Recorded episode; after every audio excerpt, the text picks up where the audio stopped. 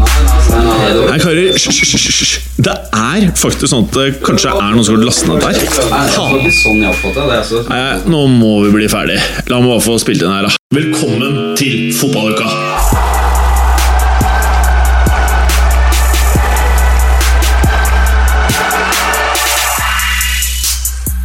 Velkommen, folkens, til dagens episode av Fotballuka. Vi har a whole lot of no hair in the studio. It is uh, Morten Galaasen. It Oi. is Preben Ringerike. Hello. It is Mats Berger. Ja, eller du kan kalle Hallo? Og i Sånn dag, folkens, så kan dere forvente Nei, Mats! Det er, min, det er mitt headset. Og i dagens uh, Fotballuka, folkens, så skal vi selvfølgelig gjennom Europa og Bundesliga. Vi skal selvfølgelig gjennom La Liga. Serie A, Ligue Ø. Før vi kjører en heftig, skikkelig Preben Ringerike-like preview av Premier League. Og med det, Morten Gallosen, så må vi jo kunne si at eh, introen er eh, vel i gang. Ja, Eller over. eh, ikke over, for du må jo si alt dette og mye mer. Ja. Det er bra, Gallosen. Det er godt vi har med programlederen her. Alt dette og veldig, veldig mye mer i dagens episode av Fotballuka. Ikke sant? Ja. ja. Hva er ukens høydepunkt av din fotballuke, Morten Gallosen? Eh, denne uka så er det mm, Fotballhøydepunktet for min del er det som også kommer til å drive meg i grøfta. Det er nemlig morgendagens eh, semifinale i den norske cupen, ja? der Lillestrøm skal til Molde. Én kamp unna cupfinale. En meget kjærkommen opptur oppi all dritten vi har hatt de siste ti årene. Men kommer til å tape den 4-0. Ja. Så eh, Men hvorfor gidde å se på den da? Nei, det Hvis det du er, vet det, liksom? Det er sånn man må gjøre når man holder med et lag. Å ja. Jeg vet ikke noe om det. Nei. Men uh, du Det er ikke jo så ofte Real Madrid har ti år med ulykker. Ja, vi har hatt en røff start på sesongen, vi nå. Ja, det er, Uh, Nå er det vondt. Ja. Og så, uh, Morten Gallosen. Du har jo på deg en T-skjorte. Den er mørkeblå i fargen, vil jeg vel kanskje si. Og jeg tror jeg vet hva det er illustrasjoner av på T-skjorten nå. For jeg tror nemlig at det er Night Rider-bilen, mm. Og så er det David Hasselhoff som står ved siden av. det er helt riktig. Er det det, eller? Jeg, Det er trodde, bra jeg, sett. jeg synes det ser ut som det var han Simon fra Floden jeg, som vi snakket om for noen uker siden. Han postapokalyptiske Ja. redningsmannen. Fordi både bilen og klesstilen ser veldig postapokalyptisk ut. Men du vet at det var en på Twitter eller Facebook som hadde kjennskap til det? Ja, det er mange, altså. Det er en uh, kultserie. Eh, det eh, det, og det er jo også Night Rider, så det Ja, det er jo Uten sammenligning for øvrig, kanskje. Ja, det er vel uten sammenligning. Men uh, Mats Berger, Ja. uh, jeg har undra på en liten ting. Og det er dine Twitter-vaner. Ja. Ja. Fordi hvis jeg ikke husker helt feil, så mener jeg når jeg svingte innom Twitteren i går, så mener jeg at jeg så han derre Juventus-hooligan som du har bilde av på Twitteren din, uh, figurere flere steder i Twitter-feeden min. Å ja, men det er sikkert for at eh, jeg liket et par uh, tweets fra Preben. Det er helt Ja. riktig. Mm. Så det hender, at jeg, like, ja, det hender at jeg liker, uh, liker tweets. Men det betyr at du åpner Twitter-appen iblant. Det. Eh, nei, altså jeg får de bare opp helt øverst i telefonen min, og så bare trykker jeg på det, og så trykker jeg på den uh, Er det hjertet der? Så det er det hele operasjonen er, da, på mange måter. Fordi at det siste jeg ser som du har posta, det er en retweet av fotballuka. 19.7. Hvor eh, vi har da de 20 mest verdifulle spillerne under 21, hvor Del Alli er den eh, mest verdifulle. Og Kylian Mbapp er nest mest, så Dembélé, Sané og Ansensio. Den likte du. Ja. Men hva er liksom Hvor er terskelen for hvor du enten retweeter eller lager en egen tweet? Det er eh, Altså når det eh, å like eller retweete, så er det mer det at eh, jeg har telefonen i hånden, og så kommer den opp. Eh, hvis jeg på en måte Da føler du at du må. Ja. ja. Nei, nei, da er det mer naturlig på en måte å, å, å delta, da. Ja. Mm. Men fordi at eh, Har du noen vurdert å bare kjøre egne tweets? Nei, altså jeg er jo cybersjenert, så det er det som er årsaken til at jeg, jeg er forsiktig. For du er ikke sjenert ellers. Nei, overhodet ikke.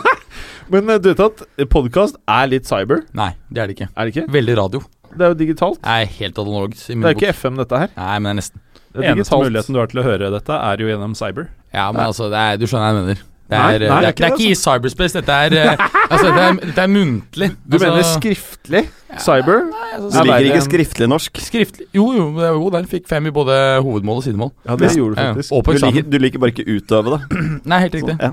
Hvis noe er på YouTube, er det da på TV eller på internett? Altså, det føler jeg er eh, semi-analogt i den forstand at det, i, i formen. Det det er kombinasjonen av cyberspace og skriftlig som gjør meg litt sånn uh, litt, litt forsiktig, da. Så på cyber ikke å skrive, det er problemet. Muntlig og eh, visuelt. Det er jeg mindre redd. Men kan du ikke begynne å ta bilder og filme med Twitteren? da? Periscope. Jo, det skal jeg kanskje gjøre. Mm. Ja, ja, bra. Eller lage sånn vlogg. Ha en egen YouTube-kanal hvor du bare har kamera på deg sjøl og sier de tinga du ikke tvitrer. Ja, for jeg sendte vel dere på den chatten, privatchatten vår, en sånn WhatsAppen? lydfil. Ja, du eh, sendte noen lyd som, en gang. som egentlig ikke var meningen. Jeg trodde ikke jeg sendte For jeg kødda med kjæresten min. Si hallo, si hallo. Ja, Husker faen, jeg lurer på hva faen det var for noe! Ja, ja, og så bare hallo! Jeg lurte, jeg gikk faktisk over to dager og tenkte på hva Hva, hva responderer jeg? Nei, altså, jeg skjønte ikke selv at jeg sendte det. Det er, jeg er ikke så god på sånne tekniske ting. Nei. Det ble varmt der, jeg satt med jakke inne. Ja, Det er en grunn til at vi andre ikke har jakke inne. Mm. Eh, men eh, Mats, nå som vi er i gang, da. Eh, hva er ditt eh, høydepunkt fra eh, denne eh, fotballuka? Nei, altså Det er jo en sånn argentiner fra Cordoba som eh, bor eh, nordvest i Italia, som har eh, caught my eye. Eh, og vil du nevne han ved navn? For de som Eh, kanskje ikke ja, Paulo Dybala. Som Ja. eh, vel li, I hvert fall i ligaspill i Europa så har han vært den hotteste hittil. Åtte mm. mål på fire matcher, bare 21 skudd. Ja. Bedre hitrate, altså bedre Men hvorfor er dette et, uh, et høydepunkt? Hva er det som har skjedd? Nei, altså det er jo Han har jo Nei, altså Bortsett fra at han har skåret åtte mål på fire matcher, da. Og Ja, to denne uka? Nei, Denne nei, siden Ja, eh, Ja, han har skåret tre denne uken her også, så, så det er jo morsomt å se eh, at Dybala har tatt nye steg. Jeg var jo ikke blant de som var aller mest eh, eh, hva skal du si eh, Jeg var ikke de som, den som sto mest i bro over Dybala i fjor, selv om jeg var veldig imponert over eh, spesielt den ene Barca-kampen. Og mente spesielt at i en del av de kampene hvor Juventus slet, så, så sto han ikke frem og tok ansvar. Nå har han begynt å gjøre det, eh, senest nå i, i Sassuolo-kampen, eh, som vi skal snakke mer om siden, hvor Juventus ikke var spesielt gode. Skåra han tre mål. Jeg Eh. liker uh, fotballukaøyeblikket ditt. Eh, jeg har en liten bromanse på Dybala, som dere sikkert har merka. Ja. Preben Ringerike, Hei sann. du har jo uh, på mange måter uh, tatt denne episoden av fotballuka med storm. I den Denne? Ja, i Allerede? Den, ja, i den forstand Yes. at du har laga programmet. Ja, stemmer det. Uh, og med det så har du et u nydelig, ypperlig utgangspunkt til å kanskje plukke ut et eller annet som du anser som eh, høydepunktet i siste fotballuka for deg. Jeg Vil ikke snakke om høydepunkt, jeg vil snakke om bunnpunkt. Oh, Og det er uh, da Barcelona-gutta kom på banen i Courage Osman-T-skjorter før ligamatchen eh, var mot uh, Hetafe. Det var helt grus... Eller var det i går, kanskje? Det var gårsdagens match? Var For det, oss kanskje? som sitter her, så var det i går, ja. Ja, Det var i går, ja. Mm. Så, ja. Jeg blander litt matcher her. Men uh, det var mot Eibar i går, på tirsdag, hvor uh, mannen er strekkskadet. Altså, det er strekk i låret. Så begynner man å printe opp T-skjorter. Da blir jeg flau og sint på Men fotballens vegne. Dette er verre. Altså, det var pinlig nok med den der Neymar-seansen Brasils landslag. hva var det? Uh, da han ble skadet i semifinalen, var det vel. I, nå må du hjelpe meg med hukommelsen, for jeg husker aldri årstall. Men eh, 14. Nei, Det var helt pinlig. Så, så kom jo hele brasilianske landslaget med en uh, T-skjorte hvor det står et eller annet De hadde vel Neymar-drakt på, var det det? Det mulig. Jeg, jeg husker ikke helt, men det, Det var dust det var helt latterlig. Men det her tar jo helt av. Hvis en strekkskade skal eh, liksom utløse opptrykking av T-skjorter, da Jeg tror ikke, Da jeg tror ikke Cavani hadde hatt på seg Neymar-drakt hvis det ble strekkskade nå. tror ikke jeg heller. Så hadde jo Liverpool den greia med Suárez da han eh, beit en fyr og ble utestengt. Så Det er jo sykt. Han Ja, også, åpen uh, gjengstøtte til en uh, Ja, gjentatt voldsmann. Ja, altså Det det Liverpool gjorde da, den kan jeg forstå i mye større grad. Fordi det handler litt om at det er en uh, spiller som unnskyld at jeg sier det, antagelig er litt for stor for klubben, og som du ønsker å holde lengst mulig. Det er ikke situasjonen med Dembélé i uh, Barca. Men hva er problemet med ego, sånn som til Suárez, hvis han må ha lagkameraten og ta på en T-skjorte for å Nei, støtte det er ikke ham? noe med Jeg- ego, men det jeg handler bare- Er han, føler han seg ekstremt velkommen, så kanskje beholdt han en sesong til. Det her er ikke tilfellet med, med Men det er kanskje det at Barca er redd for at PSS skal komme igjen. Nei, vet du hva, det der med fotballen, bare slutte med, ass. Hadde du tatt på deg Dybala-skjorte hvis Dybala fikk strekkskade? Nei. Nei. Jeg trives best i Juventus-drakter uten eh, navn, med mindre det er Del Piero. Fotballdrakter generelt skal helst ikke ha navn. Når supportere går med dem, da. Ja. Det er helt Ja. riktig. Og så trives jeg best at de er laget på 60-tallet i bomull og trange. Men hvorfor skal de ikke ha navn? Og heller ikke med reklame. Det er tacky. Mm. Er det? Uten reklame, uten navn, i bomull og trange. Ja, spillere kommer og går. Drakta består. Mm. Hey. Det var jo litt fett, eh, de eh, unge Dortmund-supporterne som hadde kjøpt seg drakt i sommer, hvor Dembélé bytta jo draktnummer Ja. eh, til sju, var det vel. Ja. Eh, skulle bli stjerne, og kidsa gikk jo mann av huset og kjøpte en ny drakt med Dembélé på ryggen. Så blir den solgt. Og det var noen som bare teipa over med sånn her svær gaffateip og skrev sitt eget navn. Nei, ikke sitt eget engang, men han som kom fra City, han um, Sancho, skrev Ja. det oppå teipen. Ja, det er fint, det. det, er fint det. Ja. Han tok jo over draktnummeret. Ja. Men sa vi eksakt hva som skjedde i Barcelona nå? Det var sånn at hele laget Hele laget i uh, tunnelen, altså før eh, matchen, eh, så, så, så kommer gutta ut med denne T-skjorten på. mm. Eh, det var ikke noe mer enn det. Og så tok de den men- av, for de Ja. hadde drakt under. Ja, de Skal jeg hadde fortelle hva som er typisk da? Nå har ikke jeg sett dette her, så jeg, synes at, eh, jeg gleder meg skikkelig til å gå inn på YouTube etterpå. Men jeg kan se for meg at han derre Piquet og Busquets var de som var mest til å vise frem T-skjorten, eller? Altså, Piquet sto i køen, Åh, så han fikk vise den frem godt. Nei, det er pinlig sak, altså. ja, Vet ikke ja. hva jeg skal si.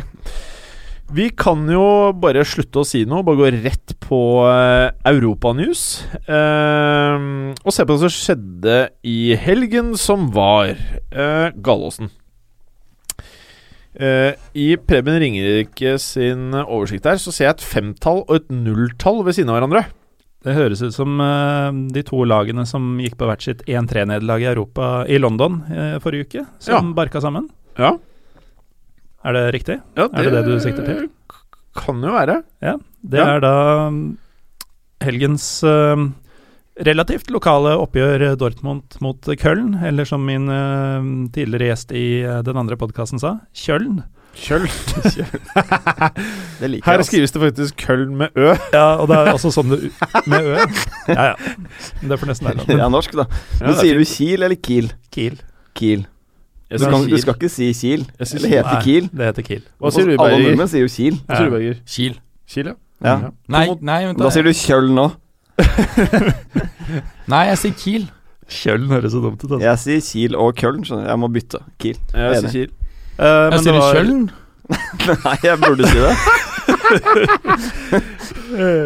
Din tidligere kollega i en amerikansk eh, fotballklubb som du eide, han sier Kjøln. Uh, trim, uh, Trim, trim. Ok. Ok.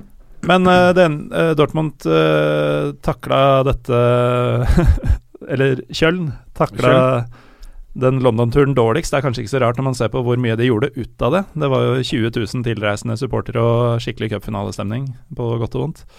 Eh, ting som tyder på at det ble en tur på puben for spillerne etterpå også, for de fikk ordentlig juling av uh, et uh, strålende opplagt Borussia. Skikkelig overkjøring. 74 uh, ballinnehav for Dortmund gjennom 90 minutter. Det er. Guardiola Barcelona på sitt beste nivå, vel. Ja, det er det. Så er det Maximilian Philip, som kom fra Freiburg for eh, det som mange stussa over, var en høy sum, selv om det høres lite ut i våre dager. Litt umerittert spiller, lite flashy, egentlig. 20 millioner euro fra Freiburg. Han har tatt plass på laget offensivt, spilt stort sett alt som er av kamper. Han skårer da det første målet etter to minutter allerede. Og setter også 4-0-målet 20 minutter før slutt. Han uh, fikk sine to første um, etter overgangen. Eh, god lagspiller og god fit for uh, Dortmund, selv om han som sagt er ganske usexy. Og det er litt overraskende for mange at han holder spillere som Guts og Schule uh, og til dels Christian Pulisic eh, ute av laget foreløpig. Eh, virker å komme bedre inn i det. Eh, en annen nykommer er Andrej Jarmolenko, som eh, fikk sin første start i ligaen.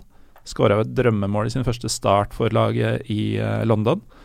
Eh, han hadde innlegget til 1-0 og skaffa straffen til 3-0 og um, hadde også en veldig god kamp på høyresida. Stakkars uh, Jannes Horn på venstrebekken til Köln hadde en ordentlig lei dag, for det var Alt som skjedde, skjedde på høyresida. Det var uh, tre innlegg, vel, som ble heada inn fra den sida, og det var vel også han som hadde Som uh, sørga for eh, straffen som gjorde 3-0. Ja. Aubameyang også med to skåringer. Han og Lewandowski følger jo hverandre igjen, som alltid. Nå er det 6-4 til Lewandowski med en kamp mer spilt. Eh, Dortmund spiller jo da mot eh, Hamburg. eh, den starter vel om en halvtime. Mm. Men er det noen som kan utfordre Aubameyang og Leva i forhold til toppskårertittelen? Eller er det er de to Det gutta som skal to. gå head to head? De, de er både de to beste spissene i ligaen og spiller for de klart beste lagene. Så de klart de kommer til flest sjanser, og eh, når de først er der, så har de også best mulighet til å sette dem. Det er også to straffeskyttere vi snakker om, så i hvert fall tidvis. Men eh, Jeg så en sånn dommeravgjørelse. Uh, Ja, det er uh, Pap Papadopoulos. Sokratis eh, Papastatopoulos som Papastatopoulos. eh, setter det psykologisk veldig viktige 2-0-målet på overtida første omgang. Det er vel keeper som glepper et innlegg etter en corner, hvis jeg ikke tar helt feil. Og um, han er på returen og hamrer han inn. Noen ville si det var gjennom keeperen. Mhm. Eh, dommer sier uh, foul, blåser av, mens VAR, uh, video assistant referee, ville det annerledes. Så da ble det 2-0 til pause i stedet for 1-0, og Kjølen var kjørt. ja, for Kjølen var rimelig sinte i pausen, så jeg. Ja, de var sinte. Ja, de var Og sinte. de hadde ikke gått av seg heller, fordi bare 14 minutter ut i andre omgangen så kom jo da den straffen som jeg nevnte, og fra det 59. minutt hvor den straffa blir satt i mål, til det 69., så kommer det tre skåringer til. Ja. Så det Kjøln-laget var ikke i fullt fokus på det de skulle gjøre da de Nei. kom ut igjen. Og de har jo kanskje ikke prins Prodi til å hjelpe de lenger, på samme måte. Nei. Det er litt problematisk for Mm. Bayern Mainz. Her er det også litt sånn eh, store tall og nulltall. Ja, det, det er ikke null til Bayern, for å si det sånn. Nei. Det er Mainz som går eh, ikke veldig overraskende målløs av banen når de kommer til Allianz. Det er jo første matchen eh, i ligaen for Bayern siden det ganske stygge, vil jeg si, tapet mot Hoffenheim, hvor de ble bortimot utspilt og tapte 2-0. Um, de slo veldig tilbake her med 4-0 over Mainz, og det er nesten Dortmund-Kjøln eh, Nå kommer jeg ikke til å slutte å si Kjøln. Nivå på overkjøringa her, det er 22 avslutninger og 66% ball. eh, og det sto jo 2-0 etter 23 minutter, Müller og Robben med de to. Det begynner å renne greit framover for Bayern etter det tapet, altså. For nå mm, var det fire her, også i går kveld så vant de jo hele 3-0 mot Schalke borte. Eh, tradisjonelt en av de verre bortekampene i løpet av en eh, sesong. Eh, Lewandowski med to mot Mainz og én til eh, i går kveld, så han er som nevnt tidligere oppe i seks allerede. Um, James Rodriguez skåra også i den Schalke-kampen, hans første siden overgangen. Og det som nå har blitt innbytter, Arturo Vidal Antagelig roteringspolitikk på gang her, men han satte det tredje. Det var ganske fint, var det ikke? Nesten tok det på volley, var det ikke? Jo, det var eh, flott skåring. Uh, I denne kampen mot Mainz, da, som vi tross alt snakka om, så kan vi jo nevne at uh, Joshua Kimmich, som da ikke egentlig er en høyrebekk, men som vi nevnte var den perfekte fitten på høyrebekk for alle lag som ville ha offensiv høyrebekk i eh, sommer, hadde like gjerne tre um, målgivende fra høyresida. Det er helt greit, det. Strålende innleggsfot. Men lapper han rett og slett så langt over at eh, Fordi jeg så at Hames spilte jo da i eh, høyre vingrolle i en 4-2-3-1-formasjon.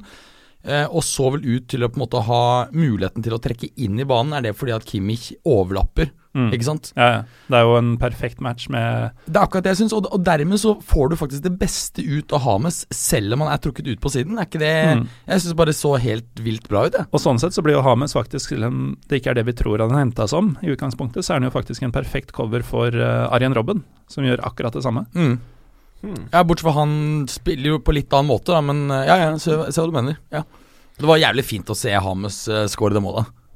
Ja. Det var greit. Eh, Var det ingen andre enn meg som ble glad i hjerterota av å se Hames skåre? Jeg blir sjelden glad når Bayern skårer. Okay, Det jeg, blir det whatever er, til Hames, altså. jeg digger han, jeg, ute. Så, Ja. ja. jeg, jeg digger han egentlig, men Ja. jeg, Mm. jeg føler at hvis han slår til i Bayern, så føler jeg kanskje meg, jeg føler meg litt nytt. Altså, jeg Kan du forstå? Ja. Dette, dette her er en dette, eh, Hvis han liksom nå blir enda bedre i Bayern enn det han har vært noen gang tidligere, Ja, Det gjør han ikke, tror jeg. så er dette her sommerens overgang. For jeg, det man antar er hans makspotensial, det er verdens, verdens, verdensklasse. Ikke ja, sant? Ja, ja. Man antar det jo ikke, man vet jo om det. Man vet jo det på han var på, sitt- på sitt beste. Eh, Da er han ikke verdens, verdens, verdens verdensklasse, men da er han verdensklasse. Hæ? Ja, Han viser glimt hva han kan, så potensialet ser man jo der, helt åpenbart. Åpenbart. Mens eh, hvis han klarer å være enda mer stabil og et enda høyere nivå, så prater vi om at eh, Bayern har gjort et eh, scoop. Hvilket jeg liksom er litt stressa for at de kanskje har gjort. da Mm. Ikke sant? Og lånedeal og eh, Nei, det er ikke bra.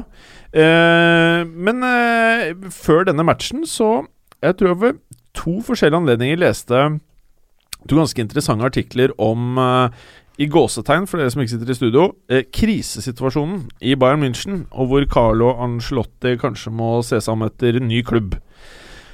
Og så lurer jeg da på hvor krise er det egentlig?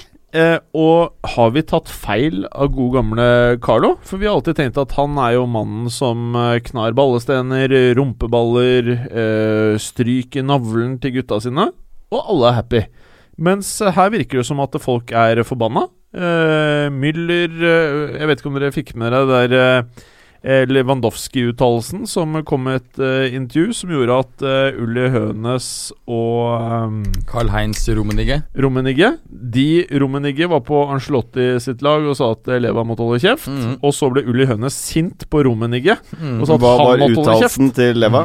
Leva sa at Leva sa at han var forbanna for at ikke Bayern hadde brukt tilsvarende mengde penger som visse andre klubber eh, har, og det sa Rummenigge, at sånn opererer ikke Bayern. Og så sa Ole Hønes at eh, jo, men det er bare positivt det at eh, spillere ønsker flere gode spillere inn og er ambisiøse på klubbens vegne, og åpen for konkurranse om plassene. Så det, sant, du, kan, du kan alltid lage en bullish og en bearish story om noe. Det, det, det er sånn det er. Kommer an på hvem Bayern- som kan- du så betyr det positiv negativ Ja, ikke sant? Og men det som er interessant her, tror jeg, da, er at eh, som det virker liksom, er jo at Bayern her tenker veldig eh, Hoffenheim-trener eh, Julian Nagelsmann.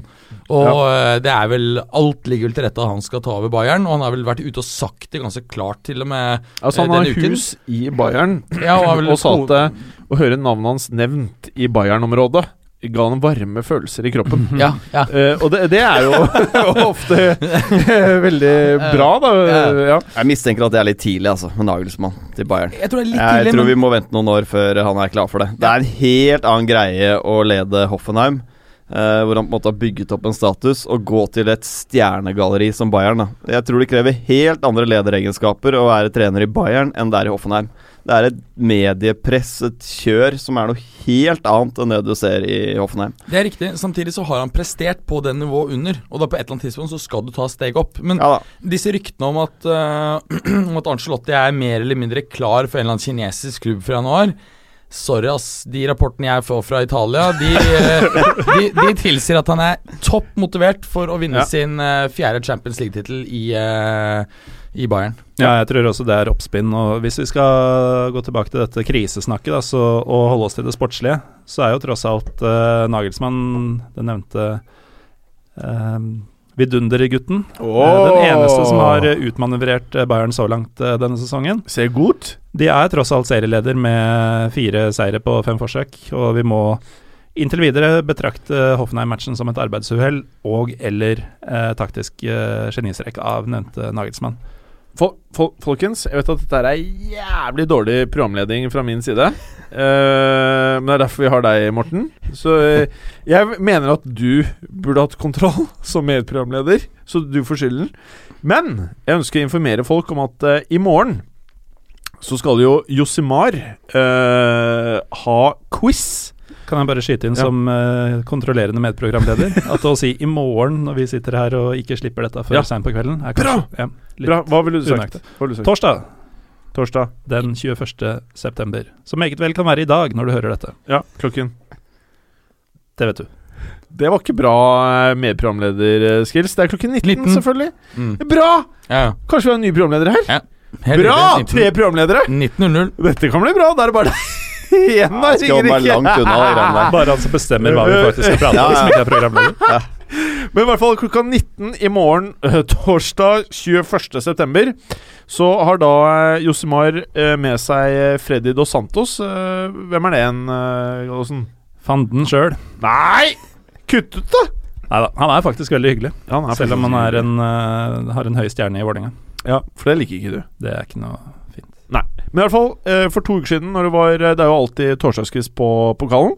Eh, så var jo Tom Nordli sammen med vår eh, gode venn Martin Roppestad, som vi har hatt eh, litt beef med tidligere, men så er jeg venner med igjen eh, nå, fra toppfotball. eh, de hadde jo en fantastisk quizkveld, hvor ett av lagene fikk en pokal. Denne pokalen skifter nå hender, mest sannsynlig med mindre dere karer som visste alt sist, er der igjen og bare befester posisjonen deres, så vil jo den skifte hender. Og med det så kommer jeg til det som var hele poenget med dette her. Torsdag 28., folkens, da skal fotballuka ha fotballquiz på pokalen.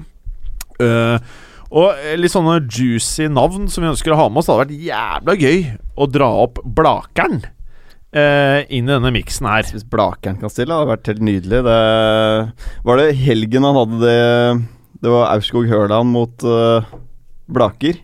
Åh. På Blaker vant. Og det intervjuet med Blakeren etterpå er jo helt legendarisk. Legendarisk. Mannen er jo helt konge. Som andre ord, folkens, i morgen quiz klokka 19.00 på pokalen. Og neste torsdag, altså 28., ikke sant det, programleder eh, Morten Gallosen? Det er korrekt. Da vil jeg anbefale å kanskje pugge litt sånn georgisk fotball og sånn, før vi skal på Så er det for vi der, karer. Eh, følg med på Facebooken, følg med på Twitteren eh, vår. Og eh, meld dere på, eller meld interesse på eh, Facebook. Det er jo gratis, dette her. Nice. Dere må drikke masse øl, da, har jeg skjønt, så, for å henge med fotballuka. Morten Gallosen, tilbake til uh, Deutschland. jeg, må, jeg må si én ting til om eh? Tyskland før vi går videre Veldig til hva nå en slags bakgårdsliga dere skal snakke om. uh, og det er jo at Augsburg, som uh, så å si alle, unntatt meg, uh, tippa ned, de ligger på tredjeplass etter gårsdagens seier mot Rattenballsport Leipzig. Ja. Så det er gøy. Leipzig har gjort det veldig dårlig, eller i hvert fall ganske middels. Ja, ganske middels. Men det er jo selvfølgelig Augsburg kommer heller ikke til å ligge på tredjeplass. Ting, eh, ting kommer til å forskyve seg ganske bra framover, men eh, gøy enn så lenge. Er det rett til meg å anta at Leipzig har hatt en sterkere start på sesongen enn Real Madrid? Men ganske likt, faktisk. Mm. Mm. Ja. Det er, da er det ikke så gærent. Men uh, Preben mm. uh, Noen vil jo si at det er litt gærent. Uh, Nei. La Liga, Preben. Skal snakke litt om det. nå- Ja, for nå skal vi innom dette her, da. Her er det mye å snakke om. Ja, Vært mye matcher. Ja, apropos Real Madrid. eh, De vant jo med store sifre, vil jo noen si. Eh, 1-3 over eh, Sociedad. De gjorde det, og det er, en, eh, det er også en sterk bortseier på Anoeta. Altså, Sociedad er et bra fotballag. Jeg tror de kommer til å kjempe med Sevilla om den eh, fjerde og siste Champions League-plassen helt inn i år. Veldig godt lag. De, eh, vi så litt sånn styrkeforskjell i norsk fotball og spansk fotball her om dagen, når eh, fjerde-femte beste lag i Spania rulla over Rosenborg. det er litt sånn som Norge-Tyskland. Kunne blitt 10-0 der òg, føler jeg. Men eh, Madrid hadde jo tunge fravær her. Det var Ronaldo ute, Benzema er skadet, Tony Crosa var ute, Marcelo suspendert, eh, Kovacic ute. Likevel så vinner de 3-1. De måtte legge om til litt mer kontringsfotball, men da får du frem det beste i Bale, da.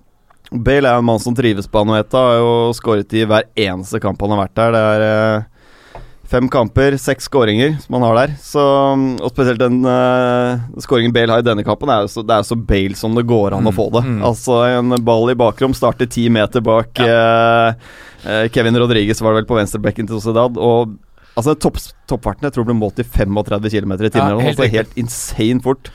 Veldig Bale første sesongen, for da hadde han flere av de eksemplene hvor han, eh, hvor han bare løper de andre i senk. Men så har han også teknikken til å avslutte. Det var jo helt nydelig. Helt fantastisk mål. Og, altså, men Bale blir jo pepet ut på Santiago Bernabeu ukentlig nå, og Det er jævlig kravstort publikum på den uh, Altså på Bernabeu. Uh, altså, Bale er en fantastisk fotballspiller. Det er ikke noe tvil om det. Altså Hvis det her fortsetter eh, på tross at han presterer gjennom sesongen, så kan jeg ikke skjønne noe annet enn at uh, Mourinho får uh, dratt den opp til eh, United, altså. Jeg tror det er en fin greie for alle parter. jeg. Jeg tror jeg Ja. Riktig. Det kan fort skje, i hvert fall når du ser eh, hva de har i bakhånd der med Ascencio.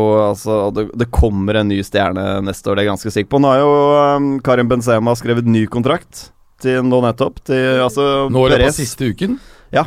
Jeg tror den eh, ble offisiell i dag eller i går eller et eller annet. Men uh, til 2021, så det tyder jo på at uh, han skal jo være den frontmannen til Madrid de neste årene også. Eller det er bare for å dra opp den summen de skal ha ut av Arsenal? altså, utkjøpsklausulen til Karim Benzema er på 1 milliard euro. Nei, men ikke utkjøpsgreier. Men tenk bare at Hvis du har fire Ja, ja. år igjen, så er du litt andre Ja, forhandlingskort. men jeg, jeg tror han blir i Real Madrid. Jeg, jeg tror det er mannen de skal ha på topp. Men det er sånn jeg, det er sånn jeg alltid prater om. Hvem skulle tatt rollen? Hvem skal spille med alle de gutta der og, og få frem det beste? Altså det fant viktige- du ut sist. Det, det er viktige- Firmino. Det viktige Jeg er ikke, jeg er ikke helt enig i Det den eh, viktigste vurderingen her. Men er jo ikke nødvendigvis hvor mange mål Benzema skårer, men hvor mange mål tillater Benzema at de andre Ja. kan skåre. hvor mange binder han opp? Ja. Altså Han er eh, fysisk sterk. Du ser jo det. Real Madrid måtte jo legge om spillestilen og starte med Borja, Borja Mayoral på topp. Eh, altså Han er ikke verdens beste ja, Han spilte en god kamp, han jobber steinhardt, men han er ikke det oppspillspunktet som eh, Benzema er. da Så de må spille en litt annen type fotball. De må slå litt mer, altså litt mer direkte i stilen når de ikke har Benzema der. Når de har han som oppstiltpunkt, så kan han legge igjen til midtbanen, og de får etablert eh, mer possession høyere opp i banen. Så mm, du- ser at, at, uh, at uh, Borja Mayoral, har ikke de samme eh, Er ikke like dyktig som Benzema bevegelsesmessig i å trekke de andre ut av posisjon og skape rom. Der er jo Benzema mm, Altså, mener jeg, klart best i verden. Gjør en Ja, veldig god hva skal jeg si, litt sånn usynlig jobb. da At han trekker ut i hjørnene, skaper rom for Ronaldo, Altså, for uh, Bale. Jeg føler at debatten egentlig er Det er ikke noe tvil om at du kan finne en mer sexy nummer ni. Du, Nei, nei. du kan finne en nummer altså, ni som Mbappé hadde jo vært det, altså sånn eh, hvis du skal Hva var det du sa for noe? Du kan ikke finne noe mer sexy nummer ni? Du kan veldig lett Ja, finne ja, ja. mer sexy nummer ni. Ja. En som kan gjøre mer på egen hånd og de tingene der. Men eh, jeg tror ikke du finner noe som passer bedre her. Og her har du en fyr som har spilt så mange år med Ronaldo. At det der partnerskapet der man sk jeg, jeg tror ikke man skal surre for mye med det der greiene der. Eh, så er, jeg, jeg er heller mer pro få ut Bale. Få inn uh, noe annet der sånn. Hva det skal bli, det vet jeg ikke. Uh, men jeg, jeg, tror det er helt greit, det. At Bale kanskje synes Egentlig han kunne kanskje tatt turen den sommeren som var. Hvis pengene har vært riktige. Eh, men det er helt greit at han stikker neste. Men så spiller han en viktig rolle, og i de Ja, matchene ja, som her, så er jo Bale gull verdt å ha på laget. Så Ja. det er jo ikke noe nedtur for dem. Men det, det er jo det Vi har snakket om en skiftig strategi fra Perez. da Nå signerer han langtidskontrakter med stort sett hele gjengen. Det er uh, Carvahall har vel signert ny nå nettopp. Uh, står helt stille her. Isco, Ascencio, altså alle disse Men på lang, merker- nye, lange kontrakter. Du lukter kontrakter. hva det er som skjer her. Du lukter at her er det en fyr som skjønner økonomi. Her er det en fyr som klart. skjønner at nå har fotballandskapet endra seg så mye.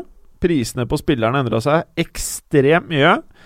Og det å hente spillere du er keen på, det er, det er, ikke, det er ikke noe Det er ikke på samme måte som før. At Real og Barca bare kan peke, og så kommer de. Ting, ting er endra så ekstremt med den sommeren som var. At eh, eh, det her er det motsatte av det Arsenal driver med. Det er jeg enig men Bare samtidig få alt på langtidskontrakter, og så dealer du med Så sant du mener at alle spillerne er gode, da. eh, så er jo ikke det et problem.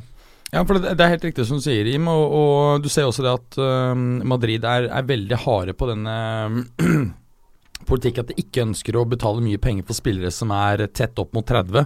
Da Lewandowski var ute nå, og agenten hans angivelig prøvde å pitche han inn til øh, Real Madrid, så var jo svaret at liksom den summen Bayern skal ha, er ikke sjans for at de gidder å betale. Ja, Det skjer jo ikke nå når de har signert med Nei. Benzema igjen, men uh, og, og jeg eh, tenker ja. at nett, nettopp det med Bale er at enten Bale eller Benzema kommer til å forsvinne, fordi begge de to er nå i en alder hvor uh, prisen, eller deres verdi, markedsverdi, vil falle drastisk over de neste tre til eh, fire sesongene. Og det gjør at du vil bli kvitt én av dem. Ja, Og, da, og da, da er Benzema en mye viktigere brikke antagelig for Real Madrid enn det Bale er. hvis du ikke trenger eh, kontrakter, advertising og de greiene der sånn, så kan du jo tenke at eh, Benzema koster 35 euro. Det er neddiskontert, og ting kommer til å se greit ut i uh, Ja, han, er regnskapsbøkene. avskrevet, han er Ja. for lenge siden. Eh, mens eh, Bale det er en annen greie, da. Selv om eh, Bales verdi sikkert er den eh, samme eller høyere nå enn når de kjøpte han. Mm. Eh, så ser man jo at Real Madrid får jo ikke markedsverdi eh, når de ønsker å kvitte seg med en spiller, men de får markedsverdi når de gjerne kunne sittet med spilleren lenger. Så jeg er ikke egentlig helt sikker på at Bale kommer til å koste så mye mer enn når de kjøpte han, på tross av at verdien på Nei, spillere det har gått tror opp. ikke jeg heller. Det tror Jeg blir overrasket hvis det går veldig mye over en milliard den dagen han forsvinner fra Madrid. Tipper han går for omtrent samme, rundt 100 euro. Kan være, altså. Men de har jo, vi har snakket om at De har veldig komplett lag, selvfølgelig. Og hva skal Perez kjøpe hvis han skal kjøpe noe? Sånn som det er nå, så er det jo Altså det er jo Navas gjorde en stygg tabbe her mot uh, Sociedad uh, i helgen. Så, så det er jo fortsatt en uh, posisjon som de de må ikke, men uh, der kan de i hvert fall forsterke. Ja, der, Der finnes det at- mange bedre alternativer. Ja, og da vet du at den aktuelle, mest aktuelle motparten eh, når det gjelder en transaksjon eh, med Bale, det er jo eh, United. Fort blir en byttehandel til sommeren. Ikke sant, så du kan tenke deg Ja. 60-70 euro pluss De Hea. Og det er en meget god deal for eh, Real. Da er ting greit. eh, Men jeg sa vel at de vant tre, men eh, Madrid fortsetter å sette rekorder. da. Nå er det elleve strake borteseiere. Det er ny rekord Shit. for Real Madrid. De har skåret 38 mål på de elleve bortekampene, og de har også skåret i 73 kamper på rad. Og det er verdensrekord! Nei, tangerte uh, Pelé det- Santos Ja, fra 61-63 mellom der. Ah, jeg trodde det var 72, jeg skjønner. Ja, Nettopp, så det er så, neste de, men de møter jo Real Betis nå i kveld mens vi sitter og spiller inn her, så det ville overraske meg veldig om ikke de uh, scorer i den matchen her. Ja, og det er med Ronaldo tilbake. Og med mindre Ronaldo er så målkåt at han ender opp med å få alle sjansene og skyte alt utenfor. Skal jeg ta laget til eh, Madrid? Ja. Majoral starter, eller? Eh, nei, dette her er ganske Altså, Benzema er ut som vi har snakka om, da. Men der er ganske sexy på topp, altså. Altså, eh, Bak så er det da Navas Carvahal, Ramos, Varan Marcello. Isco, Casemiro og Modric. Og så, hør på den her, da. Dette må vi nesten se. Bale, Ronaldo, Ascencio. Det er den uh, mest sexy En av de mest sexy eh, frontlinene i verden. Ronaldo inn som midtspiss der, da. Mm. Ja, Ja. ja. Ja. Nei, men Det blir tre poeng, og man snakket om Jeg ser fortsatt Real Madrid som største favoritten til å vinne La Liga. Altså, det har selvfølgelig gått på et par uavgjort Kall det smeller hjemme. Det ene er faktisk mot Valencia, som har hatt en kjempesesongstart. Det er et helt annet lag under eh, Marcelinho enn Ja, ja. det de var i fjor. Altså Nå har de tettet igjen bakover. De har Ja. sluppet inn eh, tre mål eh, så langt på de fem første. Og det- Simone og- Satsa! Tre skåringer i går. Fyre på alle plugger! Men, eh, skal, sant skal sies med Sasa. Han kunne skåret fem i den matchen der. Og han er ikke noe vidunder av en fotballspiller, men han har en enorm innsats. Uh, han gjør en jobb. Flink til å komme til sjanser noen ganger. Ja, Men det jeg liker Er med er han billigutgaven av Kavani? På mange måter. Det er en meget billig utgave, men det jeg liker med dette Valenza-laget, Jeg tror faktisk de kan eh, kjempe om europaplasser, for det er veldig godt balansert da med eh, Murillo og godeste Gabriel fra Arsenal, som har kommet inn der. Klarer seg veldig veldig bra. De har Kondogbia foran seg, eh, som en Ja, murbrekker. de, de har jo mye bra, vet du. Så har de Parejo, som er en ekstremt bra playmaker, pasningssikker. Eh, på topp har de murbrekkeren Sasa. Uh, ved siden av spiller en 4-4-2. Uh, så må vi nevne Carlos Soler. Uh, fantastisk fotballspiller. Fikk vel egentlig litt sitt gjennombrudd i, i fjor. Man lurte på om han kunne følge opp i år. Har starta sesongen med tre assist og én scoring så langt. Eh, jeg er usikker på hvor lenge Valencia får beholde Carlos Soler. Det lukter at det kommer store summer enten fra Madrid eller Barcelona til sommeren. Det, er kjempe, ja, det er eh, noe av det mest spennende Spania har å by på av unge spillere i dag. Altså. Det er han og Miquel Oyarzabal, tenker jeg, som Ja. begge spiller på samme posisjon. Så Ja. det er eh, Det er noen uh, Spania kommer nok til å ha et ganske vast landslag uh, de neste sesongene også. Så, men jeg liker det. Og så har de fått Neto i buret fra Juventus, og Neto Mhm. er en bra keeper. Ja, ja. Eh, definitivt. Så de, de er veldig solide nå. Så dette Valencia-laget er kult å se på. Og, og det er litt hyggelig, for Valencia er jo en sånn klubb man egentlig ønsker vel, da. Man vil det. Ja. Uh, Så men gle eh, glemte jeg å nevne venstrebekken Lato også, Ja. som har hatt en eh, vanvittig bra sesongstart. kan uh, Valencia prestere tabellmessig i år? Ja, jeg, det jeg tror Jeg tror uh, fortsatt at Real Sociedad og Sevilla over en hel sesong er vil prestere bedre enn Valencia. Noe annet ville overraske meg, men jeg tror de kan være ganske tett på. Og De er i den gruppen med hva skal jeg si, Atletic Bilbao eh, Ja, kan nærme seg Sociedad òg, altså. Bra. Så bra. kult lag. Det er det. Eh, og så har vi jo det du prata om, da, som var ehm, kampen hvor eh, Som resulterte i, i alle disse T-skjortene. Ja. Ja. Eh, Getafe Barca har jo rukket å spille to matcher de nå siden eh, lørdag. Ja. Vi kan begynne med den som var på lørdag, ta kjapt der. Og det er jo to De vinner 2-1 borte mot Getafe, og den kommer seint. Og det er jo Paulinho som blir eh, matchvinner her. Det er faktisk to innbyttere som snur matchen etter at Getafe tar ledelsen. Det er eh, Dennis Suárez og Paulinho. Så mm, er Paulinho det Altså, vi- Helt ærlig, det jeg har sett av Paulinho i Barca nå, det ser bra ut. Ja, Altså, det var jo en her Det var jo en her som uh, mot alle odds var litt positiv til det parlamentet, husker jeg. Selv om han var Var det deg? Ja, det var meg. så, så jo, men altså, han, han, han, han representerer Altså- noe du ikke har. ikke sant? Det er duellstyrke, løpskraft. Uh, han har ikke noen dårlig skuddfot, men vi har, hvis du scorer hat trick uh, for Brasil, så, så har du ikke et ræva skudd. Og han er veldig god. Han er en av de beste til å time løpene inn i boksen. Og det var han faktisk i Tottenham også, bortsett fra at han missa alle de sjansene. Men det er litt sånn Jeg sammenligner han egentlig veldig med Frank Lampard i spillestil. Utrolig god til å komme på de dype løpene. Og det er en dimensjon som uh, Barca egentlig har manglet. At de er veldig mye stasjonære midtbanespillere. Rakitic har tatt en del av de løpene. Men uh, nei, det er en del fysikk der, og det at nå er Dembélé ute uh, høyst sannsynlig rundt juletider. Det er jo halvannen milliard rett i dass eh, i noen måneder, men eh, Ja, jeg tror ikke Barca som lag blir noe dårligere av det, og heller kjøre inn en ekstra mann på midten. Da, en type Om det er Dennis Suárez, om det er uh, Paulinho. Samtidig så, så sparer de også noen kroner på at han, uh, at han ble skadet. Fordi um, i den dealen med Dortmund så skulle Dortmund få uh, en av bonus? For det var vel Var det 105 euro basis, og så var det opptil 45 euro i eh, bonuser. En av de faktorene var eh, enten 12 eller 15 millioner euro hvis han spilte 50 kamper eller mer denne sesongen. Så, Så det her er en klassisk Blessing in disguise. Nei, det, det tror jeg ikke det er nødvendigvis, men, eh, men for, for Dortmund er det litt kjipt, i hvert fall. Dere veit at det fins såkalt Roar Stokke-bingo. Ja, uh, den på har jeg internett? sett. Det er fantastisk morsomt. Tror dere vi har noen lyttere som har Berger-bingo når de hører på Fotballuka?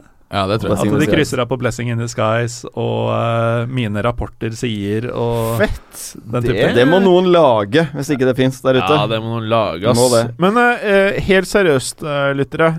Kom på eh, pokalen 28.9. Er drithyggelig om dere kommer opp og hilser på oss. Eller spytte på oss. Eh, Eller bare kaster en øl på oss. Det Som alle andre. å bli spytta på. Altså, Bare- øl innholdet, ikke selve glasset, for det blir så jævla vondt. Det blir så grisete. Jeg har jo eh, titt og ofte blitt spytta på i mitt daglige virke. Eh, På skolen? ja. Jeg jobber ikke bare med såkalt normale Nei, det er, elever. det er de spesialelevene. Ja. Ja. Trengte ikke anførselstegn der, egentlig. Å, Eh, og jeg syns egentlig ikke det er så ålreit, så hvis dere kan holde spyttinga til kanskje Jim, ja, uh, som, som ja. tross alt ba om det, Ja. og så kan, kan, kan vi andre bare få, få en hilsen. Og hvis dere kan sikte på nedre del av haken, sånn at dere treffer det bare i skjegget, sånn at det ikke kommer liksom borti huden min, bare henger i skjegget, så syns jeg det kanskje hadde vært det beste, da. ja. Nå må du god til å spytte, du skjønner hva jeg mener? Du skjønner hva jeg treffsikker. jeg mener? Men jeg tror de som kommer opp til oss på pokalen og spytter på oss, Ja. de tror jeg er ganske gode spyttere. Jeg tror Ja. Eller tror det blir sånn dusjspytt. Sånn som man var sånn øh, fem år skulle spytte, så var det! Eller bare han derre Husker dere han som sendte snap, snapper til oss med dickpic? ja, det er Ja, det er lenge siden. Bare han ikke kommer og dickpicker på Ja, det, det kan, det kan jo Fotballukas snap-konto. Ja, okay. dickpic. Her er det, kan, storyen. det kan jo hende han fortsatt gjør det, men vi veit jo ikke det, for vi kommer jo ikke inn på Det ikke han- Nei, nei. Nå skal jeg ta storyen. Uh, eh, vi lagde jo en egen fotballuka Snapchat-konto. Fotballuka. Ja.